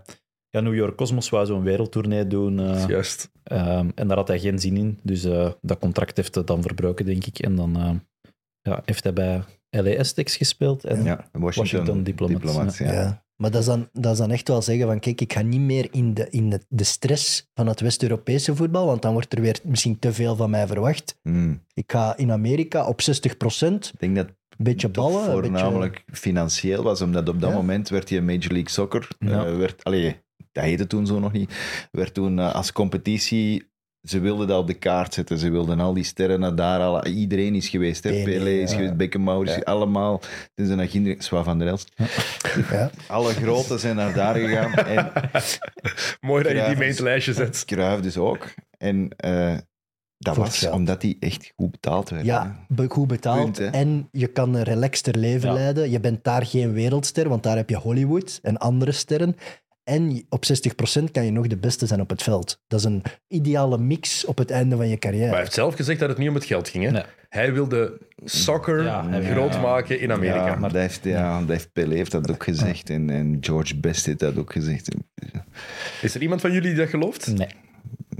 Dat het niet voor het geld was? Totaal niet. Nee, nee, nee. Cristiano Ronaldo gaat ook het Saoedische voetbal niet op de kaart zetten. Echt zonder...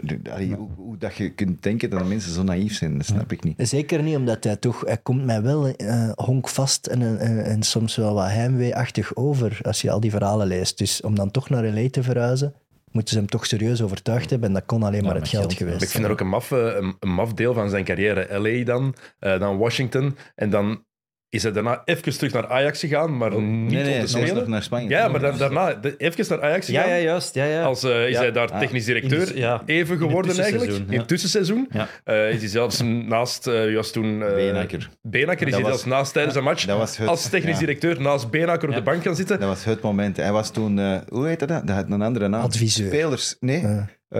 Spelerschef of zoiets in de aard. Dat is zoiets. Ja. Dat is een rare Maar je hebt, je hebt Leo Benakker als coach van Ajax 1 op dat moment, toch ook een serieuze naam. En je, je komt uit de tribunes tijdens de rust, was het denk ik, of Ja. zelfs tijdens de Tijdens de wedstrijd. Tijdens de match. Tijdens de gaat match. naast je coach en zeggen, kom, in beeld. we gaan het zo en zo en zo doen. En ze winnen ook Maar ze nog die stonden 1-3 wedstrijd. achter en ze hebben nog 5-3 gewonnen. Oh, dat, dat, moet, oh, dat moet met Benakker. Daar had ik graag bij geweest. Maar Benakker had toen wel Oh. geen slechte relatie met hem. Hè? Nee, maar op toen dat op dat moment... Ja, maar dat is wel een reality check hè, van als trainer en die komt dat doen. Dan denk Hij ik heeft, toch daar ook... later, hij heeft daar later nog over gesproken. Benakker Hij heeft gezegd van, ik vond dat echt not done. Ik vond dat Tuurlijk. echt een, een hele slechte keuze van, van Cruijff om dat te doen.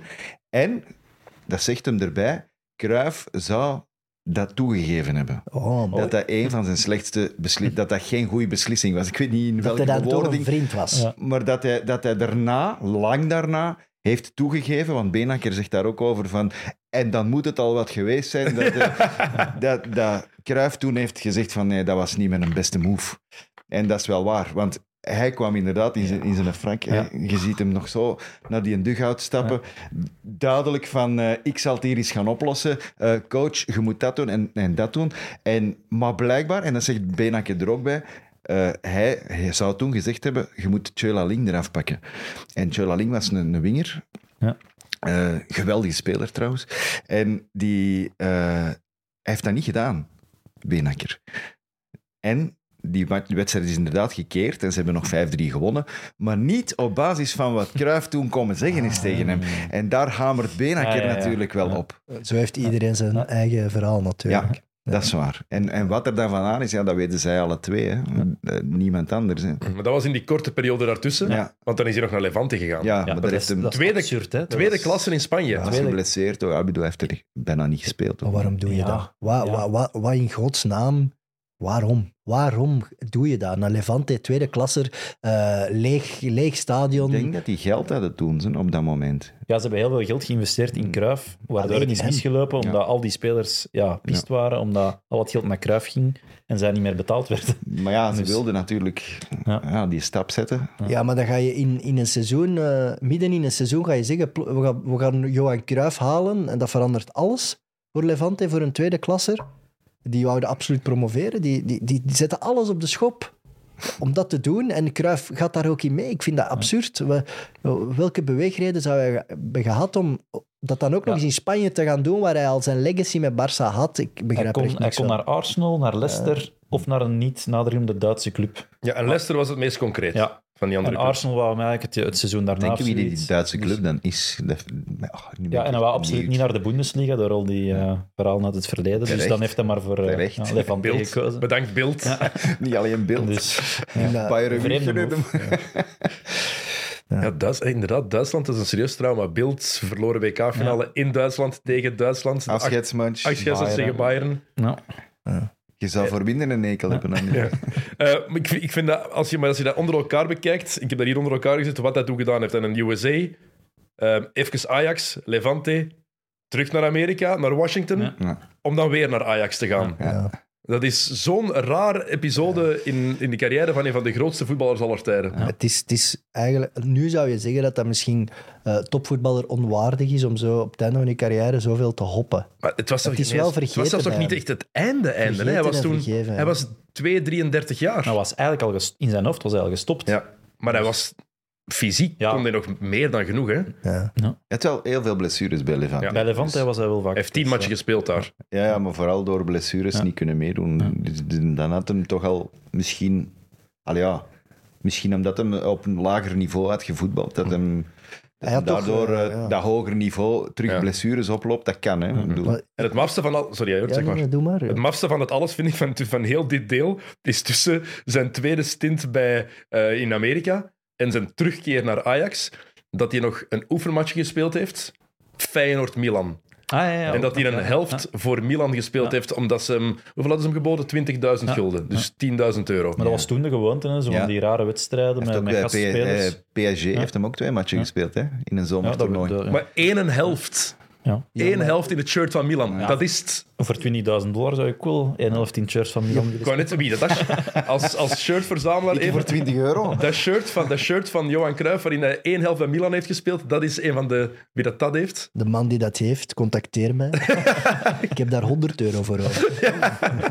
nee, maar allee, dan prostitueer je je ergens als topvoetballer om overal hier en daar wat te gaan cashen. Hè? Oefenwedstrijdjes, eh, toernooien, wereldtournees, eh, nog terug naar Amerika.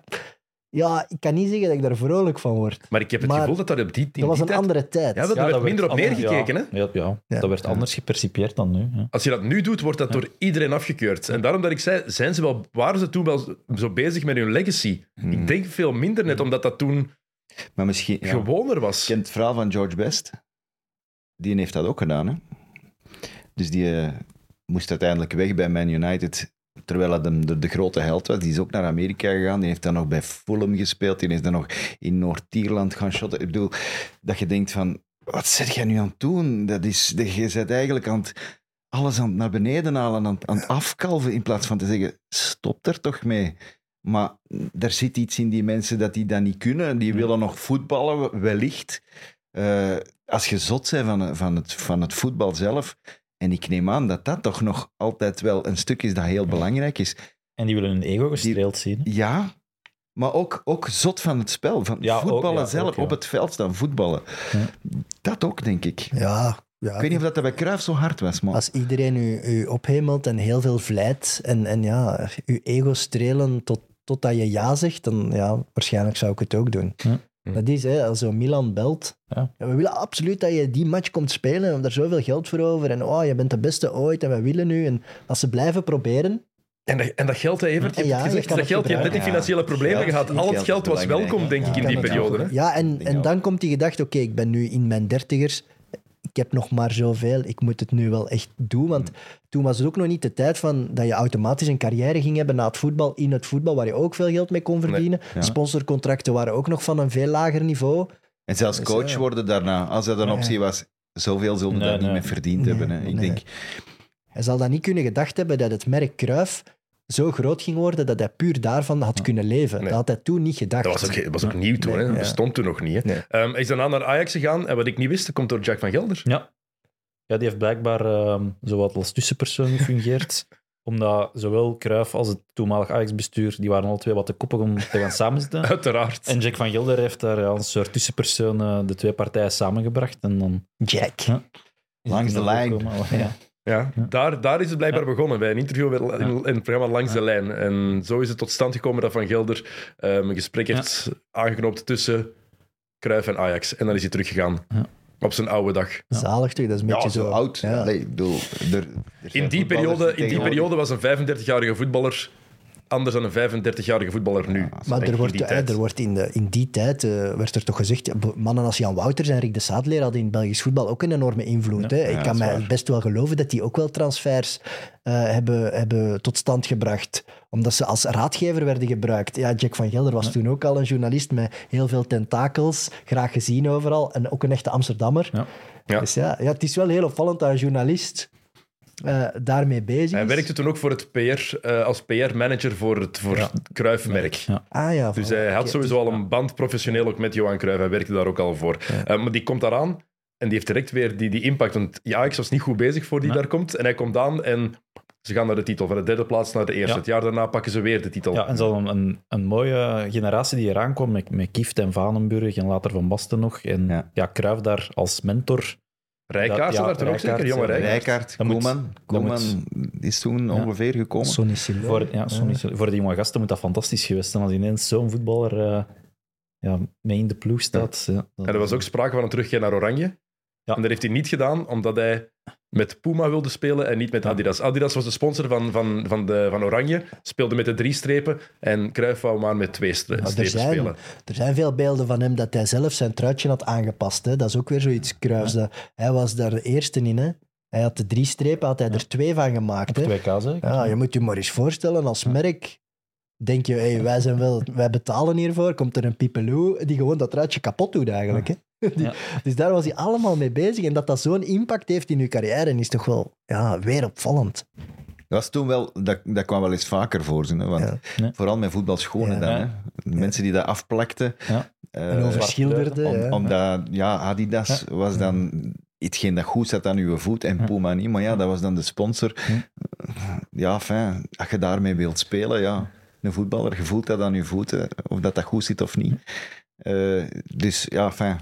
Dat Zou- er ook wel maar mee te maken hebben. Zou hij dat fijn gevonden hebben, dat er zo'n nieuwe jonge generatie toptalenten achter hem zat? Ja, ik denk Ik dat weet- wel. Ja. Ja, denk Ja. je dat? Ja, denk, Kon hij daarmee om? Als hij op het Ja, veld denk- versterkte wat hij kon doen. We hadden het in het begin over als jonge gast dat hij gefrustreerd raakte als mensen niet mee konden met zijn, met zijn niveau. Nee, hij- maar het is bewezen geweest dat iemand als Van Basten niet meteen zijn beste vriend was.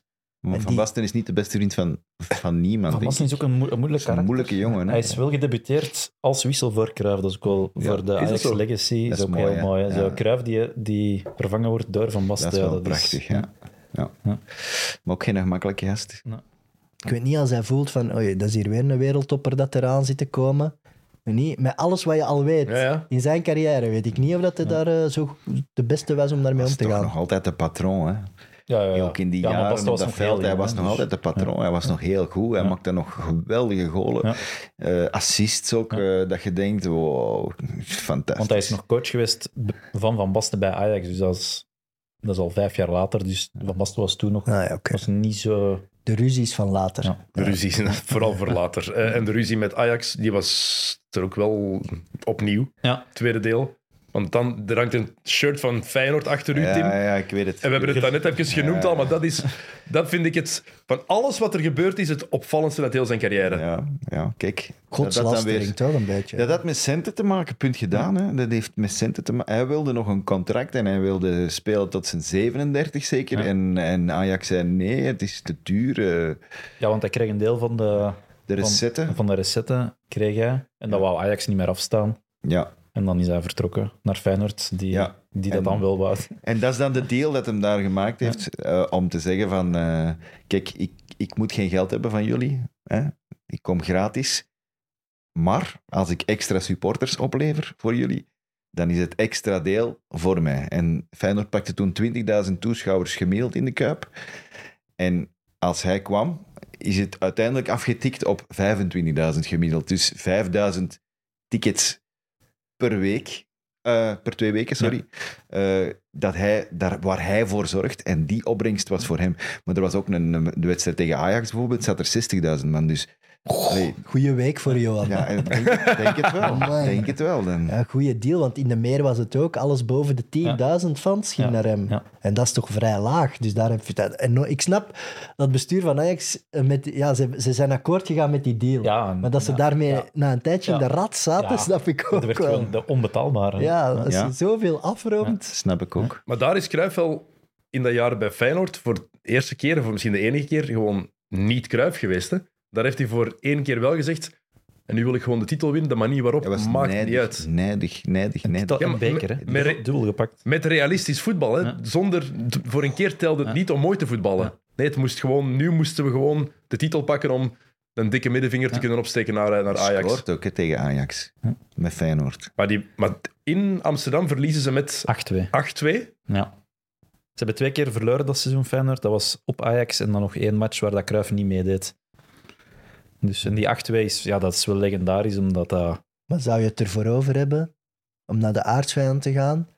Eh, puur om die middenvinger, om, om, die, om dat mes in die rug te kunnen steken van al de mensen die je jarenlang aanbeden hebben? Of vonden die supporters dat begrijpelijk dat Cruijff dat deed? Want dat snap ik nog altijd niet ik- goed. Bleven die fan? Of zeiden die, hey, fuck you Johan, echt waar, je gaat naar Feyenoord? Ik denk dat dat toen wel het, het gevoel geweest zal zijn, maar hij is daarna ook terug bij Ajax gekomen. Dus, Ja. en, en vrij snel daarna. Dus ik denk dat dat... Dat is anders, denk ik, dan Ja. dat je dat nu zou doen. Pak toch een enorm risico. Tuurlijk. Maar hij zal dat zo niet ingeschat hebben. hè, Tenzij want dat hij zegt van ik ben nog altijd groter dan Ja. wie dan ook, of wat dan ook. Ja. Eh, de mensen staan achter mij nog meer. Dus mijn keuze nu om voor Feyenoord te gaan voetballen is eigenlijk een keuze die de mensen gaan begrijpen, want zij weten dat je had mij kunnen hebben. Ja. Je had maar ja moeten zeggen. Maar dat zijn laatste match en zijn laatste prijs in een Feyenoord-shirt is, dat, dat moet toch ergens Ja, blijven hangen. Blijkbaar heeft hij ook gezegd tijdens de titelviering, daar op de balkon zo, oh, dus dit is de Cole-single. Show. en ook om te bewijzen hoe diep het zat, ze verliezen met 8-2 in Amsterdam. En op de bus naar, naar Rotterdam terug, zou je denken, hè? depressief, teleurgesteld. En hij heeft gewoon tegen zijn ploegmaat gezegd, maak je geen zorgen, wij worden kampioen en we pakken ze in, eh, in Rotterdam. Ja, Dus dat zegt, die opmerking alleen zegt Heel alles over hoe, maar ook over hoe persoonlijk het voor hem was. ja, ja dat is, dat is persoonlijk. Hij heeft die, die, dat- die goal die hij viert tegen Ajax, je zou dan... Hè, tegenwoordig is dat... Ja, niet juichen. Zeker niet juichen. Ja, nee. Nee, voilà, maar daar Ik ben ik nog wel nooit zo helemaal hard zien juichen eens. als toen met die goal. Daar ben ik het helemaal mee eens. En, en, en op zich moet het ook wel kunnen wat hij gedaan heeft. Ja. Toch? Hm. Hij, hij mag doen wat hij wil. En het maakt ergens alles nog ja, eh, meer romantisch, niet, maar ja, spectaculair. Zijn carrière dat hangt vol van toch ook wat intriges, wat ruzies, eh, rare beslissingen. Ja. Had dat niet geweest, hadden we hier nu ook geen drie uur over Nee. moeten babbelen. Dus ja, wat- er wel. Doordat hem dat doet, Het is een beetje zie- rebel, de supporters hè, ja. van Ajax, die zien dat toch ook. Die zeggen, ja, maar waarom, waarom kon hij dat niet hier doen? Ja. Allee, Ja. waarom heb je die laten gaan? Ja. Daar, daar gaat Ja, het om. Hij zet iedereen op tegen het bestuur van Ja, Ajax. Dat denk Ja. ik ook inderdaad. Ja. En hij komt daar als winnaar uit door, door die... Ik herinner mij nog, die, wij keken toen altijd naar Studio Sport op, op, op zondagavond. Ja. Hè, komt van de voetbal en dan Studio Sport opzet, bord op de schoot. Bord op schoot, dat ook. Eh, en dan kijken naar Studio Sport. En die speelde bij Feyenoord. Dat was, dat was op zich... Wauw, allee.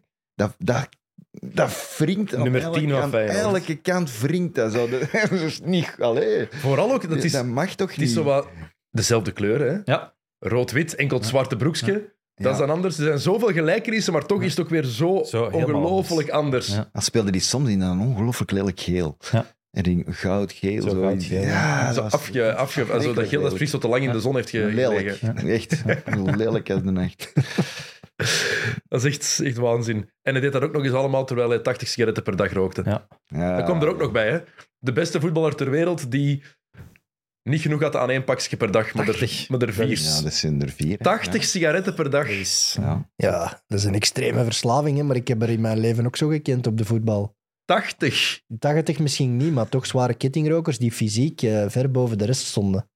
Want Dus je kon dat wel combineren, blijkbaar. Als ik je weet fit van mijn moeder, dat die dan dat vroeger dat ze aan, aan het trainen waren bij Ajax en dan moesten ze een bosloop doen. En op een gegeven moment was Cruijff kwijt en dat hij gewoon achter een boom zich verstopt om een, Ja, een dat sigaretje te te roken. ja, dat is waar.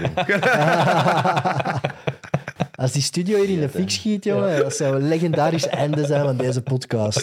Maar dat, dat is, maar dat is wel onlosmakelijk ook verbonden met Cruijff zijn genialiteit, maar ook de sigaret en dan daarna de strijd tegen de sigaret. Dat, is ook, dat hoort er ook bij. Zijn bijnaam in eh, Duitsland was ook eh, de Wasem. Ja. Om, ja, door dat, doordat hij altijd aan het roken was. En Ja. Dat werd echt vereenzelvigd. Met. Maar dat, dat was wel echt een periode waarin dat alle topsporters aan de sigaretten zaten. Hè. Er was zo, nog niet zoveel bekend over de schadelijke De gevolgen. hè. meeste, en, en, en veel topvoetballers, ook, ook Belgische voetballers, de Rode Duivels en zo, die, die staken een sigaret op. Hè. Ja. Maar nu geen 80 natuurlijk, maar 80 is wel dat is heel wel veel. extreem veel. Vandaar ook zijn geweldige gezondheidsproblemen die hem gekregen heeft. Allee, dat is, dat is gewoon daarvan. Want, Punt die, want hij leefde voor de rest. Hij dronk niet veel. Nee. Die leefde let op zijn eten. Alleen daar ook. hè. Alleen dat roken. Zeer zelden hoeren. Oh, Alleen, alleen als Duitsland was. Het is zeer gezond. Eh, wat ik ook niet wist. We hebben het over de gast die wordt genoemd bij de beste voetballers aller tijden. Ik denk dat iedereen het erover eens is. Als je een top 10 moet maken, misschien een top 5 aller tijden, dat die daarin hoort. Denk ik. Hij is op een gegeven moment eh, door zo de het Europese Statistiekenbureau, die alles verzameld had, op nummer 1 gezet. Hm. Met alles erbij, alle impact. En toch was hij niet goed in één cruciaal ding: penalties trappen. Dat kon die mens niet goed. Dat is toch is raar voor iemand met de perfecte techniek? Messi ook niet. Messi ja, ook dat niet, is- nee. ja. Hij mist er ook meer dan Ja. dat hem scoort. Allee, het- Ja. bij wijze van overdrijving. Ja, ik denk dat te, hoe dat, misschien te weinig concentratie, hè, omdat hij te veel zelfvertrouwen Te, over, kan, te veel overdenken Ja, misschien. misschien ook, kan dat ook, kan ja. ook, ja. Dat je denkt, ah, de keeper gaat dat doen, ik Ja. eh, mag dat dan niet doen. En dan beginnen twijfelen. Ik heb wel beelden teruggevonden dat hij ooit aan een, eh, een penalty-wedstrijd heeft meegedaan.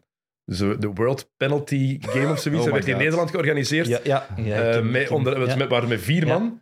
En twee andere grote namen, bekende namen, waren Paul van Imst en Gert Ja, Muller. juist. Alright. Gert. Muller heeft dat gewonnen. Dat was in een klein schuurtje. Ja. Zo geen eens een volledig veld. Een overdekt schuurtje dat ze aan een veld hadden, hadden gelegd eh, met een goal. Dat zag er heel klein uit. Dat veld was na, na drie penalties letterlijk kapot Dat geschot. is in een varkenstal. Hm? Dat, dat, ah, wel, het lijkt op een varkenstal. Misschien Het is dat een deel Het van was, in die zijn eerste, het was in zijn eerste periode. Maar dan zie je ook mensen terug aankomen met, echt met dat, om dat, dat gras terug erin te prikken met zo'n met zo'n riek. Maar dat zijn fantastische beelden. Kijk, een groot, een groot twitteraar heeft mij ooit geleerd dat penalties altijd een loterij is. Oh, Oh, ja. Ehm, en dan is het weer gedaan. Na Feyenoord. En dat vind ik heel vreemd, dat hij effectief stopt als speler van Feyenoord. Ja, maar toen was hem echt wel... Toen was het Ja, klaar. het was op. Hij, kon niet nog eens terug naar Nee, Ajax nee. natuurlijk. Nee, maar dat is voor mij het bewijs dat, hij, dat hij inderdaad dat hij niet over zijn legacy na heeft gedacht in het begin. Omdat we dat erover hadden in 71, die flirt met Feyenoord. Zouden we dat gedaan hebben? Als je dan ook effectief stopt als Feyenoord-speler, dan denk je niet verder na. Oeh, over, over 50 jaar gaan mensen mij nog herinneren en ga ik onthouden worden als... Maar je moet toch niet eh, als legende van een club je laatste wedstrijden gespeeld hebben bij die club. Bij de meeste voetballers is dat zelfs niet Nee, maar bij, maar bij de aardsvijand, dat is toch wel een Maar ik Ja. denk, tikkeltje extra, hè? nee, als we nu zo alles al aan het overlopen zijn, elke keus die hij heeft gemaakt, heeft echt zo die mimes van ja, no fucks were given. Hè. Ja. Hij zelf heeft daar echt niet om gegeven om elke beslissing die hij gemaakt heeft. Hij deed dat gewoon die in dat moment. En hij dacht, wat goed was een voor mij moment. Ja. Ja, maar exact, exact dat. Hij dacht niet na wat wij hier allemaal, hè, podcasters, analisten, het publiek, coaches. Hij gaf daar echt niet om, denk ik. Hm. Hij stond daar echt boven. En dat is ook ergens wel... Ja, daar ben ik wel jaloers op. Dat je dat zo kan. Dat je dat hebt in u. Dat je bij, el- bij alles wat je doet in je leven alleen maar gewoon doet wat je op dat moment vindt. En achteraf zullen we wel zien. Maar het problemen van... oh, Maar wat ook wel mooi is aan hem, wat dat veel andere grootheden die zo denken niet zouden hebben, hij voelde zich niet beter dan de gewone man. Nee. Want ze zeggen altijd, ontmoet Nee. nooit je helden. Nee. Ik denk dat hij... Ik heb hem één keer ontmoet. Ehm, en hij, hij was echt heel normaal. Geen capsones. Ik zie dat ik er een uur mee gebabbeld heb, maar ik heb hem vijf minuten ehm, gezien en even mee gebabbeld. En ehm, Heb je hem aangeraakt? hij heeft mij aangeraakt. Oef. Hij heeft eh, Een arm om u gelegd. een Ik heb arm het rond. gezien. Ja, ik heb er een foto u? van. Via Ik u ben ik gezien. nu tot bij Cruijff aan het... eh, oh my, wauw. Ja, ja, ja. Mooi. Mooi. Mooi, mooi, mooi. Oh. Wa- Wanneer, wanneer was dat? Dat was eh, een Champions League-wedstrijd, eh, Ajax-Juventus. En ik ging altijd met mijn, eh, met mijn vader... Geef maar, geef maar. Ik ging altijd met mijn vader eh, kijken in die periode, Uh-huh. dus meer dan tien jaar lang. En eh, we komen toe op het eh, jeugdcomplex van Ajax, de toekomst. Ehm. En mijn vader zit in de auto en hij zegt, dat is Cruijff daar, denk ik. En ehm, mijn vader parkeert supersnel, we stappen uit de auto en hij loopt daar nog 20, 30 meter verder. En eh, ja, ik ben heel verlegen, dus ik had nooit geroepen, maar ja, ons vader is, is eh, ja, veel minder verlegen dan ik. Dus hij roept, hey, Hey, Johan! Tegen de grote Johan Cruijff roept hij, hey, Johan! En die, die, hij draait zich om en eh, mijn vader zegt, ja, mogen we een foto? Want ik had toen heel toevallig een, een digitaal fototoestel mee, wat ik eigenlijk nooit mee had. Ehm, dan bleef hij staan en dan hebben we even gebabbeld en dan eh, hebben we twee foto's gemaakt. Eén met mijn Johan en dan één met mijn vader en nog een vriend die erbij was. En eh, ja, dat heeft vijf minuten geduurd, denk ik. Maar dat was eigenlijk ehm, ja, super normaal. Dat was precies of dat je ja, iemand tegenkwam, dat, een gewone mens. Ja. Ja, maar daar hoor je veel verhalen over. Ik heb een verhaal gehoord tot WK 98 dat hij analist was. Ja. Ehm, en de match ging, ging beginnen, de voorbeschouwing. En hij moest er zijn, maar de mensen ja, wel- wilden mij op de foto. En hij zei tegen die mensen: Ik moet even iets gaan doen, dan kom ik terug. Die is die voorbeschouwing gaan doen. En dan is hij effectief terug die mensen gaan opzoeken om die een foto en handtekeningen te geven, waardoor hij, het, eerste kwartier van de wedstrijd Ah, gewoon gemist ja, heeft. ja. Die hij moest analyseren, gewoon omdat hij het correct vond dat hij die mensen terug ging Ik moest begroeten. daar zelf wel mee lachen toen, dat weet ik nog. Dat is toch, maar dat is toch prachtig? Ja. Hoe, hoeveel wereldvedettes zie je zoiets doen? Ja, is- Ik, ik niemand. ja. En die wedstrijd verliezen ze met 0-1 tegen Juventus. Ai. Wat echt een rotte uitslag was. Maar ja, mijn avond was zo goed. Ja, ik, ik zal dat nooit vergeten. Ja, die, die wedstrijd interesseerde mij eigenlijk niet meer. Want ja, als je zo iemand hebt ontmoet voor de wedstrijd, ja, dat, is, eh, ja, dat was fantastisch. Ik wel? denk Hij is, eh, hij is groter. Hij is groter dan de club. Ja, absoluut. Heb jij hem ooit ontmoet? Ene keer, ja, ik heb hem mijn hand mogen schudden. Meer niet. Ik heb er niks tegen gezegd of niks. Het was zo, kende hè? In het voorbijkomen. Ja, zo. zo. Ik heb hem toch de hand geschud. Starstruck? Een beetje wel, ja, toch. Ja, starstruck, ik weet niet. Ik voelde zo fier op dat moment. ja, ja. Belachelijk Ja. natuurlijk, maar... Dat is toch mooi. Maar bij mij was het ook vooral mooi, omdat er was niemand anders in de buurt. Dus het was niet in, in, in een vol stadion of zo, waar dat iedereen op hem staat eh, te gapen. Het was echt... Ja, En vooral dat hij niet- ook die tijd neemt, terwijl je Ja, weet... hij hij bleef gewoon staan. Maar terwijl je ook weet, ik ben niet de enige die dat vraagt. Nee, nee, nee. Dat nee, krijgt moet je dat- constant, hè? Nou, daar ben ik wel jaloers op, om eerlijk te zijn. Ja, Ja, die hangt dus op de zolder van mijn vader, waar dat wij elke thuis... En ja, uitmatch van Nee, ik ben niet jaloers op die foto, ik ben jaloers op die ontmoeting. ik kan een kopie maken van die foto voor Tim. Dat is, het oké. Ik had dat graag ook. Ja, nee. Ja. Dus ze zeggen, eh, ontmoet uw helden niet, maar ik vind dat zo belachelijk. Ik zou oh, zo graag eens vijf minuten met Maradona gepraat hebben. Ook als dat een gigantische eikel zou zijn tegen u? Ik heb daar eens achter gezeten hè, voor een, documentaire. En ik ben toen een hele dag in Holland geweest. En hij was daar met zijn Saoedische ploeg. Ah ja. eh, op, op afzondering, aan voorbereiding voor hun seizoen. En maar die mens, die, oh, dat was ook al heel laat. Ik denk dat het jaar daarna is moest sterven. Of, of twee jaar daarna. Die was, ja, die mens, je zag dat, dat was niet meer de Diego en die werd dan een beetje afgeschermd. En vanaf dat dat gekend was, oh, Diego is daar. Ik zat daar smiddags alleen. En tegen s'avonds zijn er echt honderden mensen. Hè? Dus dat is ook zo, dat is dezelfde soort van, van ja, icoon. Hetzelfde aura. Ja, dat is niet normaal. En Maar ik, hij- ik ben daar ook nooit bij kunnen uiteindelijk bij Maradona, maar die mens was ook, allee, ja, is compleet zot van de, van de coke en zo. Maar Weet je dat Maradona minder benaderbaar was dan een Cruijff? Ja, Ja. maar eh, Ja. Maradona heeft zich te veel eh, door zijn entourage laten meeslepen in van alles en nog wat. En Cruijff was veel slimmer als Ja. dat. En die kon ook periodes verdwijnen. En dan ging hij op zijn berg Ja, zitten in in Barcelona, eh, waar hij heel rustig op, op zichzelf zat. Hè. Eh, en en dat, dat deed Cruijff veel beter. Hè. Die, soms gaf hij een jaar lang geen interview. Dan was hij gewoon ergens in Barcelona koffietjes aan het drinken met Jan en alle man. Ja, maar ik vond dat Ja, ook wel dat ergens leuk. Denk dat, ik. dat maakt het net menselijk. Ook als, als Maradona, Maradona een voetbalstadion binnenkwam, was dat met bodyguards. Ja. ja, ja, maar ja, En, anders werd hij onder de voet ja, gelopen. maar Cruijff kwam hand in hand binnen met zijn vrouw Ja. gewoon. Ja. Dat, is eigenlijk, dat zegt alles over het verschil tussen die twee, hoe dat En- ook aangepakt werd. En eh, wat ik eh, geniaal vond aan Cruijff is, eh, of de laatste twintig jaar, hè, toen hij al lang geen speler meer was en zelfs geen coach meer was, overal waar hij opdook, dan, waar hij gezien werd met iemand, was het nieuws. Oh, maar Cruijff is bezig met Ajax, want ik heb hem eh, in de koffiebar gezien Ja. met die voorzitter. Ah, hij, hij is gaan praten met Guardiola, nu gaat het bij Barcelona allemaal verbeteren.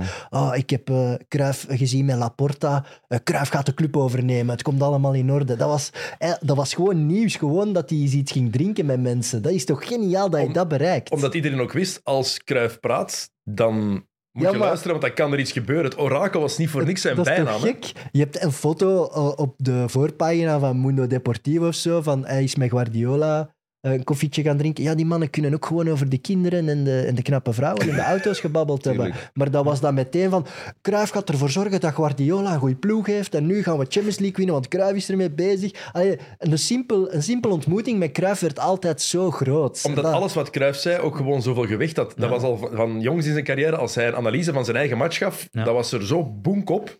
Ja. Er zijn weinig voetballers die, zo, die het zo goed en zo juist Ja. konden uitleggen Maar als hij ook. Dennis, die moet toch ook enorm veel smorgens, als die dan de kranten zag, gelachen hebben. ja, sowieso. Zo van, allee, Ze denken weer. Wat hebben ze nu? Ze hebben ons zien zitten ergens op een strandbar in eh, daar het noorden van Barcelona. Eh, er is weer een heel verhaal dat Cruijff van alles gaat regelen bij Barça of bij Ajax of waar dan ook. Allee, die moet toch ook gedacht hebben, jongens. Als hem de krant las, ik weet het niet. Zou hij de krant gelezen hebben? Ik denk dat Dat wel. lijkt me zo iemand die de krant niet leest. Al wel, Ja, ja. de Die zegt van de wereld, ja, denk ik net. Ja, tv kijken. Eh, We zijn trouwens meer dan anderhalf uur bezig. En we hebben het nog niet gehad over Johan Cruijff, de trainer. Nee, maar daar kan Ja. ik over beginnen. Hè, want ik vind, allee, hij is, het trainerschap is voor mij begonnen bij Barça, toch? Gaan we die jaren bij Ajax vergeten? Hij heeft een Europa Cup Ja. gewonnen bij Ajax. De twee. Europa- Ja. ja. ja. ja. Ja, Geen titel ja, gewonnen? Twee, ja. Jawel. Van Basten scoort. Tegen Leipzig. Leipzig. Ja. Locomotief. voor- locomotief. Het jaar voor KV gewonnen. Ja. Niet VfB. Nee. Niet Razenbalsport. Nee. Dus dat heeft toch Dus- wel waarde ook. Hij is eerst even technisch directeur geworden bij Roda. Ja, ook Heel bizar dat dat, dat zomaar dat, is, kon. dat is een bizarre. Dat is ook bizar. Zo een paar maanden technisch directeur bij Roda. Gewoon, omdat, omdat het kan. Adviseur. Dat werd, dat werd, Ja, dat werd adviseur, ja. dikwijls ook zo ja. genoemd. hè. Hij ging de spelerskern doorlichten of Ja. zo. En dan is hij naar Ajax Ja. gegaan, maar hij mocht eigenlijk geen trainer zijn omdat hij geen Nee, diploma hij had. Dus waren ze met eerste vier ongeveer ge- evenwaardig Ja. trainer, zei Cruijff zelf. Ja. sorry, maar dat is al Ja. Van de meest ongeloofwaardige dingen die hij ooit gezegd heeft. Ehm, maar daar heeft hij wel dat totaalvoetbal, wat zo belangrijk is geworden voor, voor Barcelona, hè, want hij heeft dat verder ontwikkeld, dat is wel begonnen bij, in die drie jaar bij Ja. Ajax. Ja, hij had daar ook weer een heel mooie ploeg. En toen was Van Basten echt ja, Europese top aan het worden. Ehm, en eh, ja, Van Basten heeft hem dan de Europa Cup geschonken in 87. En eh, een van de mooiste verhalen toen, ehm, bij het afscheid van Van Basten, ehm, dus hij speelde zijn laatste thuismatch, denk ik, en eh, er mochten toen maar twee vervangingen gedaan worden. Dus Cruijff haalt er twee mensen af. En drie minuten voor tijd heeft hij Van Basten er ook afgehaald, zonder er iemand op te zetten. Mhm. Met als uitleg, ja, Van Basten is onvervangbaar. Dat je, dat je dat op dat moment bedenkt, dat, is toch, dat kan toch ook alleen maar Cruijff. Dat is toch prachtig. Ja. En ook daar heeft hij trouwens weer iets willen veranderen voor, voor in het financiële. Hij wilde de lonen, de basislonen lager hebben, Ah, maar hij wilde die, dat verbinden Ja. aan, aan prestaties. ja. ja. Dat vind ik wel geniaal, inderdaad. De onver, onvervangbare Onvervangbaar. wissel. Dat is mooi, Dat hè? is briljant. Van Basten had ook vier keer gescoord die match, dus het was wel terecht. En nu, nu zitten we daar met die vijf wissels te klooien. Dat wil dan zeggen dat je nog een zesde zou moeten doen. Ah, ik vind dat wel echt schoon, Ja. dat wist ik niet. Ja, Ah, Dat, dat vind ik schoon verhaal, bedacht, ja.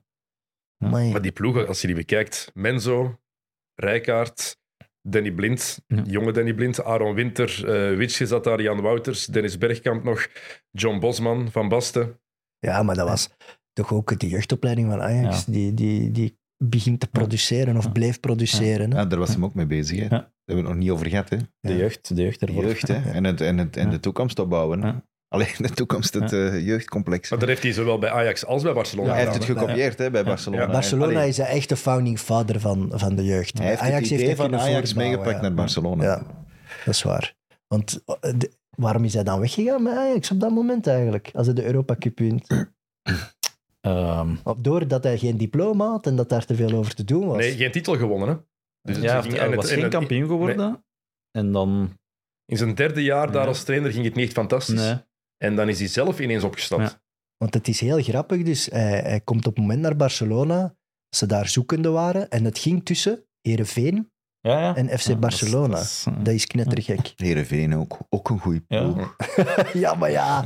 Dus allee, ik ben heel blij dat, dat het uiteindelijk voor Moest Barcelona heeft gekozen. Nee, ehm, het Moest ging niet zo geweldig en ehm, hij wilde meer te zeggen hebben binnen de club. Maar eh, het bestuur wilde hem niet alle sportieve macht geven. Ah, ja, dus, En ja. dan heeft hij op een gegeven moment gezegd: kust allemaal mijn. Oh, Dat is het Kruifconflict, hè? Ja. Over de zeggenschap. Dat is denk ik 20.000 keer in zijn carrière gebeurd. Maar ik kan daar alleen maar blij om zijn. Want Barcelona had dat... Allee, ik denk dat hij als trainer misschien nog meer sportief dan betekend heeft voor de club Barcelona dan sowieso, dat hij als speler heeft Ja, ja. betekend. Want hij heeft die club echt ja, heropgebouwd. Hij heeft de strategie ontwikkeld. Ik ja, denk, maar dus niet alleen als trainer. Hè. Dat, is, dat is echt...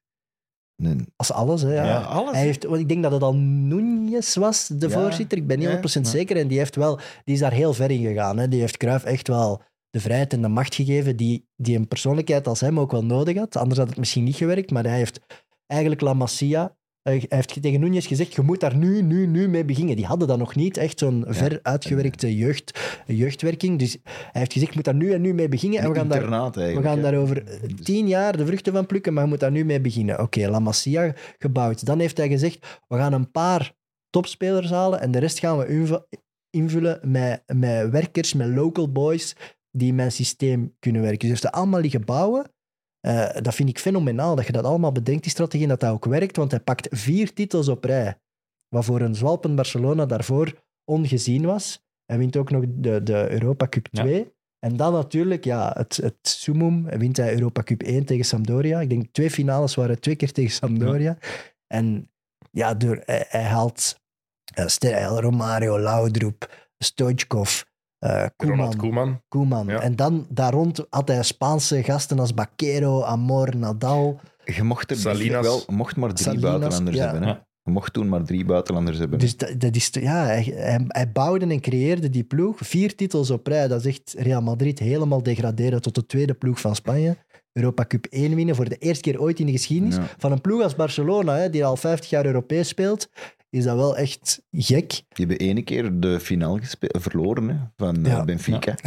Dus dat lang, is lang ja, geleden. die legacy als, als trainer, maar ook als, als meer als trainer. Het is eigenlijk technisch directeur, maar zelfs nog iets meer. Hij heeft echt de fundamenten van die club heropgebouwd. En de voetbalfilosofie van die club ook effectief ge- gelegd, die Ja. fundamenten daarvan La gelegd. hè. Cantera, hè, de, de jeugd en, en die jeugd ook opleiden in een bepaald systeem en dat door alle jeugdrankings vol te houden. Dat gebeurde vroeger ook niet. Hè. Die, die spelers moesten allemaal hetzelfde doen. Dat je nu tien waard of 18, die hadden eigenlijk elk jaar opnieuw dezelfde training, dezelfde filosofie. En dan kan je zelfs gaan, gaan door-evolueren en zeggen, kijk, het is uiteindelijk daarom dat Xavi, Iniesta, zelfs Messi zijn kunnen doorstromen uit zo'n La Masia. Daarom is ook Guardiola, die speler was en kapitein was onder hem, Dat is een van de, maar dat is ook een van de eerste die uit de jeugdopleiding is doorgegroeid eigenlijk. heel die filosofie nog meer heeft zitten evolueren door heel veel gesprekken te voeren met Cruyff, is uiteindelijk de gouden periode Guardiola als coach bij Barcelona, hè, dat onverslaanbare ploeg, kan je ook allemaal linken aan hem, wat dus Cruyff enorm groot maakt. Dat je alle successen die daarna komen ook nog kan claimen, ook al ben je eigenlijk al lang weg. Maar dat is waarom Dat dat is we in het begin ook, dat, dat is, dat is waarom Tim ook in het begin zei, denk ik, de meest invloedrijke mens Ja. in de geschiedenis van het voetbal. Omdat En- je nu nog zoveel ja. dingen kan zeggen. In En die het- competitie, die ploeg, Cruijff. Daar zien we Cruijff. Dat is van Cruijff. Dat is voor een deel Het Cruijff. is, geen, het is ook geen zever, het is niet van ego. Want Guardiola en nu een Xavi en zelfs een Luis Enrique, die refereren daar ook Nog naar in hun interviews. Die blijven dat herhalen, dat ze heel veel aan Johan Cruijff hebben gehad. En dat is wel gek. Dus al die gasten, die schrijven dat ook toe aan hem. En dat is zot, want die zouden ook kunnen zeggen, oh, dit is mijn prestatie. Ik heb Messi gelanceerd. Ik heb eh, Iniesta Ja, ja. beter gemaakt. Nee, die zeggen ook allemaal, nee, zonder Cruijff had ik zo niet gedacht. En dat vind ik wel, dat is echt uniek. Dat zegt alles over de, over de heilige die eh, Ja. in Barcelona. Is nog meer is geworden. We hebben het al over zijn, zijn zoon Jordi noemen en het Catalaanse, de Catalaanse identiteit zo omarmen. Het feit dat hij effectief Barcelona zoveel verder heeft nog uitgebouwd als club. Maar dat heeft hem uiteindelijk een beetje genekt.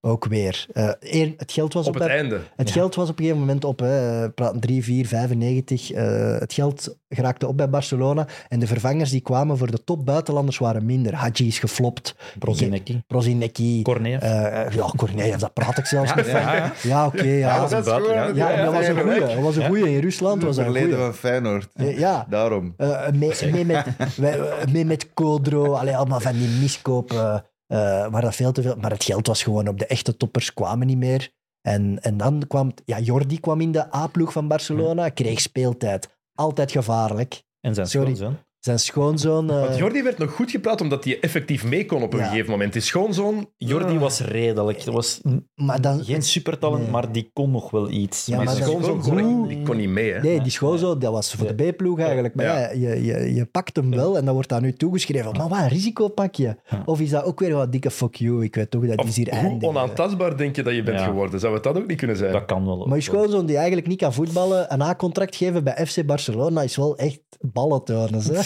Ik weet niet wat voor ballen. Echt ze gigantische ballen hebben. Allee, dat is Hij is dat, nog American voetbalspeler geworden, hè, die schoonzoon. Echt? Ja, dat, is dat Steven de Voer, Ja, Sam Kerkhoff. ja, als eh, kikker of, eh, Ja. Ah, dat wist ik ja niet. echt waar. Zot. Ja, ja. Echt waar. Die man. Dus die is gestopt als keeper bij Barcelona en dan is die American voetbal. Ach, allee. Ja. Nee, maar dat, dat gaat... Allee, dat is gewoon... Ik heb nu... eh, Frenkie de Jong bijvoorbeeld, heeft ook zo iemand mogen meepakken. Die heeft ook een contractje gekregen bij Barcelona. Huh? Ja, bij de B of de C-ploeg. Maar Ah, ja, ja, ja. ja, dat, heeft pakt toch een enorm risico. Hazard mocht ook zijn broers Seedorf heeft dat ook gedaan. Bij heeft ook altijd mee. Moussonda heeft ook al zijn Toen het broers de NFL. Europe bestond bij de Ja. Barcelona Dragons. En Ja, oké. Ah, ja, ja, ja, en, ja, en ja, wacht, wacht, wacht, wacht. Ja. En ook een unsuccessful trial bij de Denver Broncos. Cruijff gaat zeggen dat de Barcelona Dragons ook door hem gebouwd is. Waarschijnlijk. Maar die periode, je hebt vier titels op rij, maar die heeft elf prijzen gewonnen. Dat is pas geëvenaard door Pep Guardiola, zoveel jaar later. De- Ja, en je moet echt eerlijk zeggen, want eh, dat, wordt nu, dat werd het Dream Team genoemd, omdat ook 92 zat er met de Olympische Spelen en het Amerikaanse basketbalploeg. Dus ze pakten dat over. Hè. FC Barcelona was het Dream Team. Maar die ploeg, met alle respect, daar zaten echt wel goede shotters bij, maar dat was niet de megaploeg. Dat was niet de Galacticos van Real Nee, Madrid nee, nee. of het Manchester City van nu, of zelfs Barcelona van Guardiola, was echt wel een betere ploeg dan het Barcelona van Cruyff. En toch won hij er veel mee. Dus die prestatie is wel echt nog straf. Maar dat, niet, dat was niet... Ja, hij wint vier titels op rij, hij zal wel de beste spelers hebben gehad. Dat was niet. Hij heeft hij wel echt gebouwd met ook mindere... eh, Sergi en Ferrer Ja, ja, waren en Nadal ma- en Amor. Ja. eh, die hebben met Spanje ook geen ballen verwezenlijkt. Waarom? Omdat ze geen wereldspelers waren. Onder Cruyff zijn die wel beter geworden. En ik zit hier ook al een uur met vijf chupa chups. Ja, ik had het eigenlijk moeten zeggen toen we het over die sigaretten hadden. Want dat is de, dat is de vervanger geworden van, van de sigaret voor, eh voor hè? Nee, hij heeft in 1 of 92 heeft hij iets aan zijn hart gekregen. hartaanval, hè? Ja, en moest hij allerlei overbruggingen hebben, omdat die saffen dan toch een spoor van verkalking hadden achtergelaten. Ja, 80 per dag. 80, ja, En dan heeft hij die 80 saffen per dag gewisseld met chupa chups. 80. Dus ik, ik heb voor 80 jullie, chupa ik heb chups per jullie dag. allemaal een chupa chup bij. Ik hoop dat het een goede smaak Dank is. u. Ja, doe Het is ook in de kleuren van Barça. Ja. Ah, maar ja, dus- ja. De omzet van Chupa Chup is daar in Spanje met 80% omhoog gegaan, omdat hij op de bank zat met die lollies. Hij had beter daarin geïnvesteerd. In plaats van, eh, Ja, ja. plaats van varkenskwekerij. Dat zou een Pax liever zijn geweest. Sindsdien wordt hij ook wel aan de lolly gelinkt. Ja, hij- Mooi. maar je hebt het er straks al even laten vallen, want hij heeft dan die Champions League wel gewonnen. Hè? Eh, Ja. Toen op Wembley, de eh, eerste... Allee, het was nog geen Champions League. Het was wel Europa een poolfase, maar het was nog geen Champions League. Ja. Eh, 1-0 gewonnen. Dat doelpunt van Koeman. Hij is daar heel fier. Je ziet dat, hè? Ja, ja, ja. Dat is de verwezenlijking. Ja. Hè? Het is gelukt. Het is gelukt. Ja. Ik heb gelijk. Het is, het is de held van Barcelona, maal twee nog eens. Maar dan komt hij inderdaad twee jaar later Champions League tegen Milan. Ja, En dan is hij ongelooflijk. Dan heeft eh, Capello was het, eh, ik me niet vergis, ja, Capello was dan coach van eh, Milan. dat is een van de pijnlijkste momenten Ja, voor dat mij als is- kind. Hij was, hij was eh, favoriet, hè? Milan was geen favoriet, hè? Nee. Die hadden een heel goede ploeg, maar Het dreamteam, hè, dat werd ook opgeklopt. Hè. Het Dat was- dreamteam van Barcelona ging het wel even klaren. in Athene. En 4-0. ze werden daar echt afgemaakt. Dat. En hij, hij, hij stond daar ook op te kijken, want daar herinner ik me dan ook nog die beelden dat hem staat te kijken en eigenlijk bijna niet snapt wat er gebeurt. En zijn ploeg gaat ook in de fout, hè? En die worden genadeloos afgestraft door is 4-0. Savicevic, Ja. eh, door eh, de Saï, door... Ze komen van overal en ze scoren van overal. Eh, Wat, nog zelden gezien, hè? Ja, pijnlijk. Zelden gezien, hè? Even terzijde, hoe moeilijk is het om een chupa chups open te doen? Echt, hoe ongelooflijk moeilijk is het om dat open te doen zonder te veel lawaai te willen maken? Dat is toch gewoon... Dan pakt het toch gewoon een sigaret? Eh, maar dat is wel... Je had het er straks ook al gezegd, denk ik. Hij, heeft, hij durft dat risico nemen, dus je hebt de, de mooiste momenten. Maar het kan ook effectief gebeuren dat je dan Ja. zo zwaar op je bek gaat en die 4-0... Dat was ook gewoon het eindpunt meteen. Hè? Ja. Dan was het gedaan. Het was niet alleen gedaan bij Barcelona, het was ook gewoon direct Zonde. gedaan als Ja, trainer Johan Cruijff. Ja, zonde, echt zonde. Hm? Allee, dat is toch... eh, Dat is een persoonlijke beslissing van hem geweest. En, en ik, ja, ook als je het gaat nalezen, ik begrijp nog altijd niet goed waarom, want hij had perfect nog een, nog een schitterende trainers- of technisch Ja. directeurscarrière kunnen uitbouwen. Dat hij nooit bondscoach is geworden van Nederland. Ik weet nog, toen ik kind was, dat ik daar vaak met mijn vader over babbelde van, ja, waarom is die nooit bondscoach? En mijn vader zei altijd, ja, hij, hij wil dat niet, want hij heeft schrik om niet, om niet ten beste te zijn. Dat was zijn uitleg van ons vader. Maar ik vond het altijd jammer, want die had zo... Ja, hij had, er waren heel mooie generaties waarbij als trainer perfect zou passen, zo in de jaren negentig. En ik Met had dat wel willen jeugd- zien. Ik had dat wel willen zien op een WK. ja. Johan Cruijff op een WK als trainer. Dat moet toch fantastische beelden opgeleverd hebben. WK 98. Oh, met die met Cruijff als trainer. Zeg dat niet. Oh. Ja. Dat, niet- dat is Ja. echt voetbalporno die nooit bestaan heeft. Zo.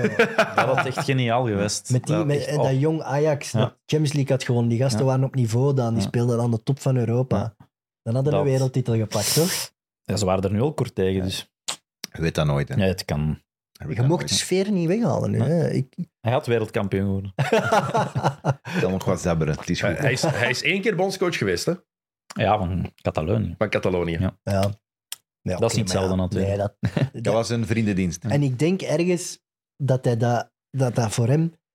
ehm, dat waren bewuste keuzes die hij dan maakte. Hij Ja. was achter de schermen wel invloedrijk in het voetbal, maar hij deed dan zo'n dingetjes om af en toe wel in ten tonele te verschijnen en weer in het spotlicht te komen. En met Catalonië wat matchen. Ja. Altijd die, die discussies over gaat hij eh, de leiding pakken Ja. bij Ajax. Hij deed dat volgens mij wel bewust af en toe om zich terug op de agenda te zetten. hij wist perfect wanneer dat hij nog eens Ja. moest verschijnen. Maar hij ging net niet Nee. ver genoeg wat een beetje zijn legacy had kunnen aantasten. Daar had hij misschien wat schrik voor. Dus hij, hij was er altijd, maar hij was er ook niet. Ja. Hij had geen officiële functie, maar hij was wel altijd daar. Mhm. Dat is volgens mij heel bewust geweest van hem, toch? Maar ik kan er niet zo goed inschatten wat dat er toen bij Ajax vooral gebeurd is. Maar die liep daar toch constant binnen en buiten. En dan was het wel Johan Cruijff, niet Johan Cruijff. Ja. En dan een bende eh, adepten van Cruijff, Ja, ja. van eh kom maar. En de anderen, nee, we willen hem niet. Dat, dat, is, dat is een constante strijd geweest. Hij- Jaren en jaren Hij lang. is twee keer ehm, in dienst geweest. Dus in 2008 twee weken lang. Wou, ja, wou alles veranderen. maar- Twee weken. Ja, maar Van Basten was toen hoofdtrainer. En eh, ja, Van Basten wou dat niet. En hebben ze ja, zwaar ruzie gemaakt. Toen is hij na twee weken terug vertrokken. En dan twee jaar later ehm, was Ajax heel slecht eh, bezig, vernederd in de Champions League door Real Madrid. Dan is hij eh, columns beginnen schrijven, of laten schrijven. Ehm, en vanuit die columns is een soort ja, revolutie ontstaan, ehm, die hij dan geleid heeft. En hij wou echt veel meer ex-voetballers op de belangrijkste functies in de club. Want dat was totaal niet meer het geval. Cruyffiaanse revolutie. ja, de fluwele revolutie. En dan heeft hij zeven ex-voetballers ehm, in die organisatie gekregen. Maar dan is dat uiteindelijk toch misgelopen, want ze hadden dan uiteindelijk achter zijn rug hebben ze dan Louis van Gaal aangesteld als algemeen directeur, terwijl hij Chela Ling wou, denk ik. Ehm, ja, en dan na twee jaar is het dan toch helemaal afgelopen en had hij er zelf... Ja, Dat is toch heel raar. On- bijvoorbeeld Van Basten. Wat Ja. kon Van Basten daar dan tegen gehad hebben? Ze zaten toch op hetzelfde voetbalspoor, hetzelfde denkspoor. Macht. ja Als Cruijff komt, Ja. weet je ook dat hij wou de echt nummer één alles- is. Hè? Ja, echt gewoon bijna elke jeugdtrainer wou we buiten smijten. Maar Gewoon- voor Van Basten had het misschien beter geweest voor zijn trainerscarrière. Danny Blind moest bijvoorbeeld ook buiten Ja, hè, i- van. Iedereen moest... Danny moest Blind? buiten. Ja, Danny Blind, Danny Blind had alles al gedaan daar en had nooit iets echt Ja. goed gedaan. Ja. Ja, ja, hij, wou- hij had heel veel, veel vertrouwen in Bergkamp en Jonk. Ja. Ehm, ja. Dat was echt de redenering van bijvoorbeeld iemand als Danny Blind is al ehm eh, assistenttrainer geweest, Ja, technisch directeur was hij ook al geweest en niks heeft hij eigenlijk echt goed gedaan, dus allemaal, buiten. Je hebt dus het Cruijffkamp. Maar dat heb je dus nog altijd. hè. Ja, ja. In die, die, bij die, want die zitten nu allemaal in andere functies Ja. en dat is Ja. nog altijd. Dat is nog ja, Wim altijd, Jong, ja. dat is de Cruijffschool, die Ja. heeft nu succes bij Volendam. En Blind, die zat dan in, eh, dat werd dan naar beneden gepraat, omdat hij eh, assistent bondscoach was met zijn zoon op het veld. En dat was allemaal omdat hij geen Cruijff van is. En, En kan bij er Van niks Gaal. van. Ja. Ja. Ja. Want het heeft wel voor een van de meest historische interviews gezorgd in de geschiedenis van het Nederlands voetbal eh, aan de slagboom. Ah, ja. Wat? Toen hij is dan, er was een vergadering geweest waarin dan eigenlijk beslist is om niet verder te werken met Johan Cruijff. Want Cruijff, ze wilde de filosofie van Cruijff toepassen, maar ze wilde niet de ontslagen doorvoeren. Ja. En dat, Ah, ja. voor Cruijff was het Ja. alles of niks. Alles of niks. Ofwel gooi je de mensen buiten die ik zeg die jullie moeten buiten gooien en is het my way or the highway eigenlijk letterlijk. En dan zijn ze met drie auto's buiten gereden voorbij de slagboom van het, eh, van het complex daar. En de drie auto's zijn ineens gestopt omdat één journalist stond te wachten. Die heeft daar de hele dag staan wachten. Acht of negen uur aan een stuk. Ehm, ik weet zijn naam niet meer. Eh, Stekelenburg is ook geen journalist. Dat Jeroen Stekelenburg. ja, Ik denk dat hij, dat hij het was. Hm. En Cruijff is uit de auto gestapt en is gewoon naar hem toegelopen. Dus wat moet je als journalist vragen voor een interview? Zalig. Nee, nee. Cruijff liep naar de journalist toe om dan eigenlijk gewoon het bestuur compleet af te slachten. Ja. Compleet. Dat durfde hem wel. Maar het heeft wel voor een kentering gezorgd bij Ajax. Ja, ja, daarna zijn ze dan Daarna? terug anders beginnen werken. En Want Ja, uiteindelijk, als je nu het succes had onder Van der Sar, Overmars en zo, dat was dan eigenlijk de fluwele revolutie. uiteindelijk is dat wel wat Cruijff ehm, naar op zoek was. Ja. Ja. Naar terug meer jeugdspelers ehm, die belangrijk maken en ex-spelers belangrijke functies. Ja, voetballers die, Dus- het, iets, die effectief mensen die iets te zeggen hebben, die Ja. ook iets kennen van voetbal. Ja. Waarom eigenlijk de fluwele revolutie? Want veel fluweel was daar niet aan. Hè? Dat weet ik eigenlijk niet. Dan zegt hij, maar dat is gewoon keihard. Dat is Ja. niet, het is niet dat dat met Het fluwele was de grove borstelrevolutie. Ja, fluweel en kruif vereenzelvig ik nu niet na dit gesprek, moet ik zeggen. Het was Ja. toch wel altijd hard en. Fluwele bal toetsen. Zijn voetbal. Ah, ja, zo, oké. Zijn voetbal. Hij kon, Ehm. hij kon je ook belachelijk maken op een veld en dan was dat ook fluweel. Hè? Terwijl dat jij daar belachelijk achter bleef. hè. Maar, maar conflicten en Cruijff, dat is iets dat heel vaak terugkomt. En één naam die we daarin moeten noemen, die net gevallen is, dat is, dat is Van Gaal. Hè? Ja. En dat is iets wat dat nu nog al, zelfs na zijn dood, nog Dat altijd blijft. nazinder bij Van Gaal. Ja, Hij is nu zeven Ja. jaar geleden overleden, eh, Johan Cruijff. En toch, Twee ego's. Hè. Dat, maar dat, blijft, dat komt nog altijd elke keer ter sprake. Ja, en eh, eigenlijk belachelijk, want ze hebben dezelfde voetbalfilosofie, dezelfde manier van hoe dat ze hun ploegen laten voetballen. Dezelfde club van hun hart. Dezelfde club van hun hart, allebei succesvol. Dus het is eigenlijk jammer dat ze heel hun leven lang ruzie hebben gemaakt. Heeft er ook jaloezie mee te maken, omdat Zeker. eh, Van Gaal de eerste is die Oh. Europees succes heeft gehaald met Ajax na Cruijff? Je kunt geen twee hanen hebben op dezelfde mestop. Hè? Dat gaat niet. Hè? Je Ja, er van, maar één staan. Hè? van Gaal en Cruijff wonnen allebei een Europa Cup ongeveer op dezelfde, in dezelfde periode, met ongeveer hetzelfde soort voetbal. Ja, dat is voor geen een van de twee leuk natuurlijk, Hm. want je bent niet als enige de koning. Nee, en Van Gaal is daarna nog naar Barcelona gegaan. Ja. En die heeft toen de jeugdopleiding Ja. ook wat, wat willen veranderen. Ja. Ja. En dat is, Ja. dat is wel natuurlijk volop ingaan tegen alles waar, waar Cruijff in geïnvesteerd heeft. Maar dat Van Hij heeft Gaal, ook ja. 400 Nederlanders meegepakt hè, van Gaal naar Barcelona. Ja, sorry, maar... En waren- Cruijff wilde het werken met lokale jongens. Uiteraard, dat is het juist. En er waren mensen bij die... ah, er waren goeie bij, maar er waren er ook bij dat je denkt, allee, kom op. Bogarde. Dat kun je nu toch ook in Catalonië vinden. Hè? Bogarde is ook gegaan. Hè? Ruud Luus, ja, ik is- ook aan Ruud Hesman denken. Eh, reiziger. allee, reiziger, zenden, eh, noem maar op. Er zijn er, ik zeg het, ze zijn niet allemaal Hm. eh, slecht, zeker niet. Maar ze, ze waren ook niet allemaal top. Hè? Hij maakte er FC Holland van. Hè? Ja, dat vond ik dan Maar- ook wel een beetje overdreven. Ik vind het wel heel... Allee, het zegt... Ik, ja, zo de Van Gaal als... Hoe hij naar buiten komt, daar ben ik ik geen echte fan van. Ik denk altijd dat hij een soort groot toneel is en dat hij Dat toch- is ook zo. Dat is Ja. zeker. Ja. Maar dat hij, dat hij al vrij snel in zijn carrière dacht van ik sta zeker op dezelfde hoogte als Cruijff is ook wel straf. Hè. Moet dat toch wel echt een gast zijn. Hè? Dat, je, dat, je, dat je zo tegen elkaar gaat zitten en die andere is Johan Cruijff. Ja. En jij bent M- maar Louis van Gaal. Ja, maar daar hadden we het daar straks toch ook over. Dat je Over denkt, het karakter dat je Allee. hebt. Je kunt dat niet veranderen, dat karakter. En Van Gaal, zelfs in de tijd dat hem hier in België kwam shotten, dan had hem het al aan de stok met, met gietijs en zo, om, om te zeggen van, jongen, Louieke, eh rustig hè, kameraad. maar als je nu in de Hij Ajax Arena... als- ja, maar als je nu in de Ajax Arena rondgaat, Ja, Cruijff van Cruijff Gaal. Arena.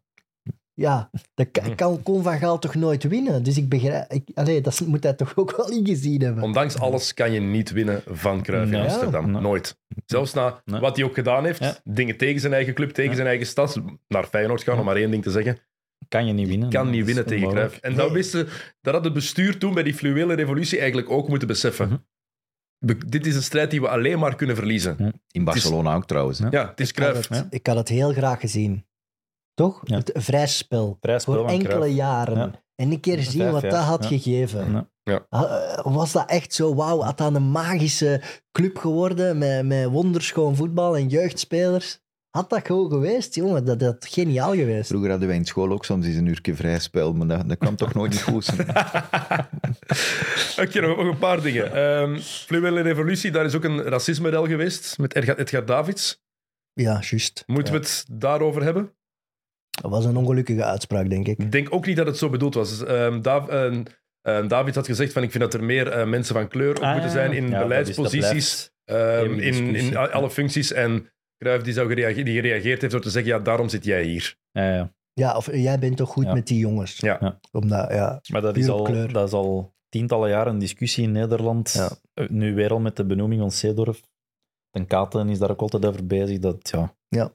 dat- ik denk dat Cruijff dat niet, niet, Nee. helemaal niet racistisch of Nee. slecht heeft bedoeld. Maar dat was wel, een, zeker in die tijd, een logische redenering van oké, we willen meer jongens van kleur, dus we pakken er een en die moet dan maar met die gasten gaan praten en gaan werken. Mhm. Oké, en dan het laatste. De Cruyffismes, hè. het Cruyffiaans. Zijn we er al? Dat is al. er al. We zitten aan de... We zijn, we zijn twee uur bezig. Hoe het laatste. Ça va, hè? Maar als Allee, iets anders hebt, mag je nog dingen geven. Hè? Nog een uur dan. Ja, we kunnen nog een uur doorgaan. Hè? Ja, er is ook een flirt met KV Mechelen nog, waar jullie het misschien over willen hebben. Ja. Ik heb hem ook nog eens live zien spelen. In spelen? Ja, zien spelen, ja. Hoe oud was hij toen? Ehm, dat was in 99. Dus dat was een, ehm een gala-wedstrijd ter ere van de eerste Europese finale van Ajax in 69. Dus 30 jaar later kreeg hij een gala-wedstrijd. En hij, had dan iedereen uitgenodigd die ooit voor Ajax een Europese finale had gespeeld. En ik ben daarna gaan kijken. En hij heeft daar samen nog eens met Van Basten gespeeld. En dat was voor iedereen van mijn, van mijn leeftijd en iets ouder ja, zo magisch dat die twee samen op een voetbalveld stonden. En dat ging allemaal heel traag. Maar je Was zag, hij goed? ja, ja, goed. Dat was al in de nieuwe arena. Ja, ja, ja. Je, je, je zag dat hij dat, dat die nog altijd het zag en niet alles meer kon uitvoeren, maar het was wel echt prachtig om te zien. Zeker in combinatie met Van Basten. Dat was echt... eh, Zie Ja. die glunderen, ik ben, ik ben, heel blij, ik ben heel blij dat je dat hebt meegemaakt. Ja. Ja. Super. De flirt met KV Mechelen. Ja. Vertel Nee. Evert. We hebben het al over Waregem gehad, we hebben het al over Cercle Brugge gehad. Wat was er met KV Mechelen en Johan Cruijff? Kijk, iedereen gaat mij weer uitlachen, omdat ik alles aan Maliwa wil linken. Zelfs Johan Cruijff. Maar het is wel effectief gebeurd. Mhm. Dus eh, KV Mechelen deed de rise naar de top met Jo- John Cordier zijn geld. En KV Mechelen wou absoluut een Europese topclub worden. En Cruijff zat aan het einde van zijn carrière en heeft effectief komen onderhandelen met Cordier om nog een jaar bij KV te komen shotten aan het einde van zijn carrière. Dat is echt gebeurd. Dan uiteindelijk beslist om het niet te doen, maar dat stond in de krant en al, hè, dat- dat de gesprekken Is bezig het toen dat waren. ze de mos gepakt hebben, of wat? Ehm, ik denk eh, dat de mos er al was, denk ik. En misschien dat het daarom Ja. is misgelopen. Hmm. Eh, dat zou goed kunnen, maar het heeft in de krant gestaan. Hè. Cruijff in onderhandeling met KV Mechelen en John Cordier zei het, ik ben er stellig van overtuigd dat Johan Cruijff volgend jaar bij ons speelt. Ja. Dat is wel gek. Allee, dat is...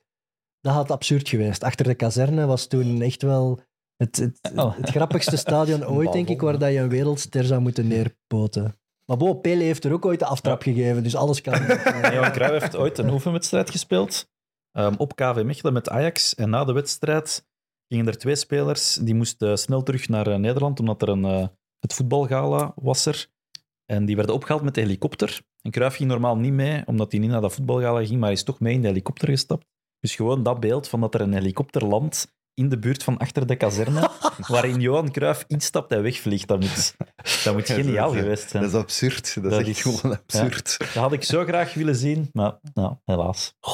Er zijn ook geen beelden van of zo, dus dat is wel echt jammer. Ik denk dat, je, Ja. ik denk dat je een hele goede wat als podcast reeks kan maken over wat als Johan Cruijff. Dit, eh, puur en alleen over Johan Cruijff. Al die net niet verhalen. Ja, inderdaad. Maar als we toch eens eh, dat willen meemaken, we kunnen dat reenacten. Hè? Ik bedoel, Ken jij iemand met een helikopter? ja, dat kunnen we fixen. Met de bu- budgetten hier van Sporthouse Ah, ja, ja, ja. Een reenactment reeks Vla Classics als- kan wel aan, eh, aan helikopters Ja, dat is geraken. waar, hè? dat is waar, En dan ja. zo, Ja. zo kan je wel iets regelen. En jij speelt Johan Cruijff dan. Oeh. Je hebt toch al een chupa chup, dus Ik ben aan het denken aan wie dat ik zou... Ik zou graag die Cor, hè, die schoonvader en Oh, makelaar willen spelen. Wie speelt Ja. Johan Cruijff? Ik denk ook met deze kledij kan ik wel zo wat de badass makelaar zijn, toch? Wie speelt Johan Cruijff? Je zou perfect ook kunnen meedoen in, in Air, die, die heeft een nieuwe film van Matt Damon en Ben Affleck. Ben Affleck speelt daar eh, Phil Knight, die Nike-pakjes van Ah, die ja, ja. jaren 80. Dat is heel, Dat is dat, ja. heel gelijkaardig aan de, de kleuren van toen. Ja, als je 20 centimeter kleiner zou zijn, kan jij wel door voor Cruijff. denk ik. El Flaco. ja, Jopie. Nee, de dunne. Ah, heel mooi.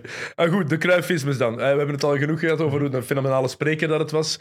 Ik denk niet dat er iemand is die meer Nee. goede one-liners Nee, heeft dat gehad in de geschiedenis van het voetbal. En we hebben er een niet, paar hele goede gehad, maar niemand heeft er zoveel. Bestaan Dat is echt... Ik heb er waarschijnlijk. een heel boek over. Ja, hebben jullie een eh, lievelings? Ja. Ik heb hier een boekje met uitspraken van Cruijff. En is er een- Ah, ja, Uit de privécollectie van mijn vader. heb jij een lievelingsuitspraak daarvan?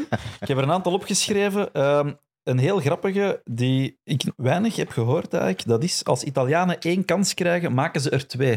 Dat vind ik gen- geniaal bedacht. Eh, en Ja, dat is ook letterlijk In zo. het verlengde eh, is dat van Italianen. Ja. eh, Je kan niet je, van je ze- kan niet, ja, wacht hè. Italianen Ze kunnen niet van, je, van je winnen. Ze kunnen niet van je winnen, maar je kan Ja. er wel van verliezen. Ja.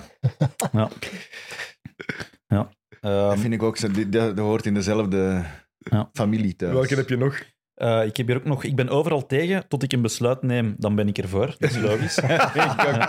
dat is logisch, dat moet er nog echt. Ik ben er overal tegen. Dat is toch logisch? Dan, als wij de bal hebben, kunnen hun niet scoren. Dat is ook... Ja, Dat is zijn filosofie. dat is- ja. Ja, Eh, als je een speler ziet sprinten, is hij te laat vertrokken. Ja die, is, Ja, die, die wordt ja. nog Ja, gebruikt. Die hè. wordt nog gebruikt.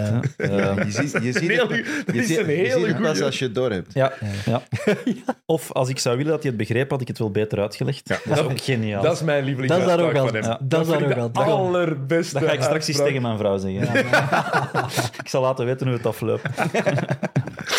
Ik denk dat hij een chupa chup ergens Vol- Volgende, volgende week opname met mid. Met Ja. de Rutger hier rustig om te slapen.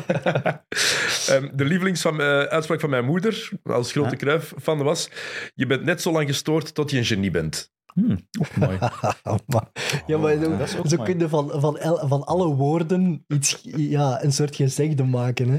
Ja, maar hij zei dat ook zo op die manier. Hè. Ja, maar hij in een hem, interview dan. Hij, Je gelooft hem. hij poneerde dat. Hè. Hoe En hij er het waren zei. Er, er waren er verschillende bij dat je moest terugspoelen Ja, en, en eens- denken van, wat zeg jij nu? Hij heeft ook eens an- als analist tijdens eh, het EK, ik denk 2004.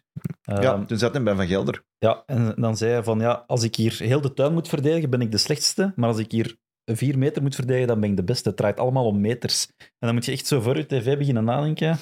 En een keer terugspoelen en denk ik, ah ja, e- eigenlijk is dat wel waar. Hè. En zo had hij, als analist had hij ook nog briljante uitspraken dat je de journalist zag denken van... Ja, je Oké, moest, je wat- moest daarover nadenken. ja, wat moet ik daar nu op antwoorden? Ja. Hm. Hij zei ook eh, eh, met zijn filosofie: hè, voetbal is een spel van Ja. de hersenen. De bal is altijd rapper dan de benen. Dat is ook eh, de basis geweest, samen met al dat balbezit, Ja. van zijn voetbalfilosofie. Ja. Positiespel is, is veel belangrijker dan atletisch vermogen. Hè. Voetbal is... Oh, eh, dat is nog veel belangrijker dan de uitspraken. Hè? Die sofismen die zijn leuk, die zijn plezant. Die, maar, maar de manier waarop dat die, die filosofie, die, die, die kun je ook samenvatten. Hè? Gelijk, eh, laat altijd de slechtste van de tegenstander aan de bal. Dat is zo belachelijk en toch zo juist. Ja, of we gaan de denkt, spits niet dekken, dan kan hij niet uit de dekking lopen. Zo van die dingen. Ja, dat is toch dwaas? Ja. En En- als je er dan over nadenkt, Maar dat klopt. van, Dat klopt. ja, dat klopt. Oeh, dat klopt. Ja, Ja. Dan, ja. maar zonder zwijs, dat klopt allemaal. Allee, 90% van wat hij zegt klopt. Ja, het ook uitspraak over, de, over de, het, hij ging ook het fileprobleem oplossen. Hè? Ja, Dus, allee, als, als, eh, als auto's sneller rijden, zijn ze sneller Sneller van de weg, dus zijn er ook geen files. Snel van de snelweg. Dus dat, er is toch een paar gaten wel. Het was niet allemaal... Hij schoot al eens Ja. na- niet raak ook, hè. Ja. De En- verdediging is een geitenkaas, heeft hij ook eens gezegd. er enige kaas zonder gaten. Een geitenkaas in plaats van gatenkaas. Ja. Eh, En dan blijven beweren, ja, Ja. maar het moet zo. Het is, het is juist, ja, dat volhouden, sowieso. Ah, geniaal. Oké. dat, is- dat stinkt. Dus. Maar eh, nog, mo- nog mooier vind ik, ik ben een beeldmens, dus zijn de filmpjes die je terugvindt. En er is er eentje, en vermits dat jij die een trainer nu aan hebt, Oh ja. het doet mij zo hard terugdenken aan Risto Stoichkov. Dat is waarschijnlijk ook de bedoeling. Dat Dit, de ja, mensen ja, doet sowieso, terugdenken ja, ja. aan Risto Stoichkov. Eh, ik heb, eh, er is een filmpje, een heel bekend filmpje, dat hij probeert om... Johan Cruijff probeert Stoichkov uit te leggen hoe dat je koordjes springt, touwtjes springt. En Geniaal. je- om, hij moet dat kruisen. Ja, Hij moet proberen om die touw te kruisen terwijl het iemand... Dus hij, hij een paar keer rechtdoor en dan moet hem die kruisen. En Stoichkov probeert dat en die valt bijna op zijn smikkel. Dus, en dan zie je die, de koord... Allee, ik zal het nog eens uitleggen. En De, de mens is op dat moment, ik weet niet, 50 Ja. jaar of zo, of, of zoiets. Ja, ja. Zal toch zeker zoiets zijn? En, dus, en hij zegt, allee, ik, kijk nu naar mij. Ik, dat, doet, dat doet hem dat. En hup, gekruist. Prachtig. Oh, ik zit al tegen mijn micro. Gekruist. Hè, zo, voilà. En dan dat touwtje teruggeven. En dan zie je die zo echt terug sukkelen en dan erover strakelen. En dan zo van, van naar die koord kijken. En dan zie je de kruif daarachter staan van... Jongen, toch echt... Hoe is dat nu mogelijk? Ligt Maar- er hier een springtouw? Want ik zou het wel eens willen zien.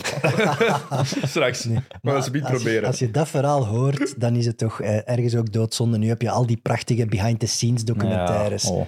Maar die, die, die kruif bij dat dreamteam, wat die in die kleedkamer allemaal moet gezegd hebben, ja. dat die Spanjaarden van dachten, oh, wat is dat hier allemaal? Iemand je- raar Spaans, wat Ja. niet helemaal klopt. Dan wil je Ja, het toch gezien hebben. Maar ja, misschien is het beter dat het niet bestaat. De magie van Ja. alles wat we nu verteld Het maakt hebben, het mythischer, is- hè? Ja, voilà. Het maakt het mythischer. Ehm, ik denk dat de conclusie van dit alles kan zijn, als er ene mens is in de geschiedenis van het voetbal die nooit vergeten gaat worden, Ja.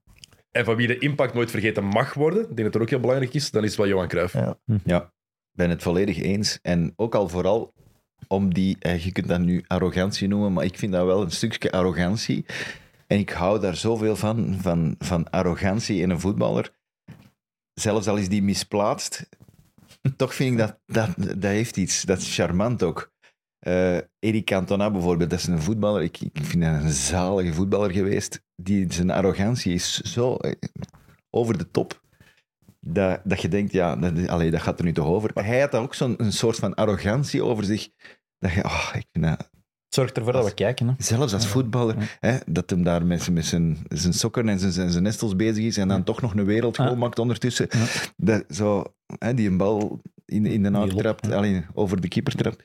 Eh, dat je Met, denkt, met, het, met het lintje vast. ja, het lintje Ja, ja, ja. hij is nog bezig Die met van alles. aanname eerst al. Hij, ja, maar ja, hij was daar bezig met iets. Hè, en dan pakt hem die aan en hij is eigenlijk nog niet klaar. Was het niet lintje dat hij had gekregen, omdat hij voor de match had hij bloemen gekregen, omdat hij net was uitgeroepen tot Europees Ja, voetballer van het jaar. Dat kan Ik denk dat hij dat lintje van die bloemen, dat hij daar hij kunnen. gewoon vast heeft Ah, ik, dacht de dat hele dat match. van, ik dacht dat dit van zijn kousen was eerder. Denk ik. Ik weet dat hij daarvoor heeft hij de bloemen gekregen, omdat hij toen was in 71 voor het eerst Europees voetballer van het Ja, maar jaar hij was speelde geworden. toch geen hele wedstrijd. Dat is op het einde van de match dat dat gebeurt. Je hebt toch niet heel, heel de Dat is voor de match dat hij die bloemen gekregen. Hè? Ja, ja, maar dat Ja. lintje vast Ah ja, dat hem die goal maakt. misschien vond hij dat speciaal of zo, ik weet het niet. Het is Johan Cruijff, ik zou van niks verschieten met die Hij mens. was van alles. Hij was iets anders aan het doen en ineens krijgt hem die een bal. en Hij controleert die fantastisch en dan schiet hij binnen over de keeper.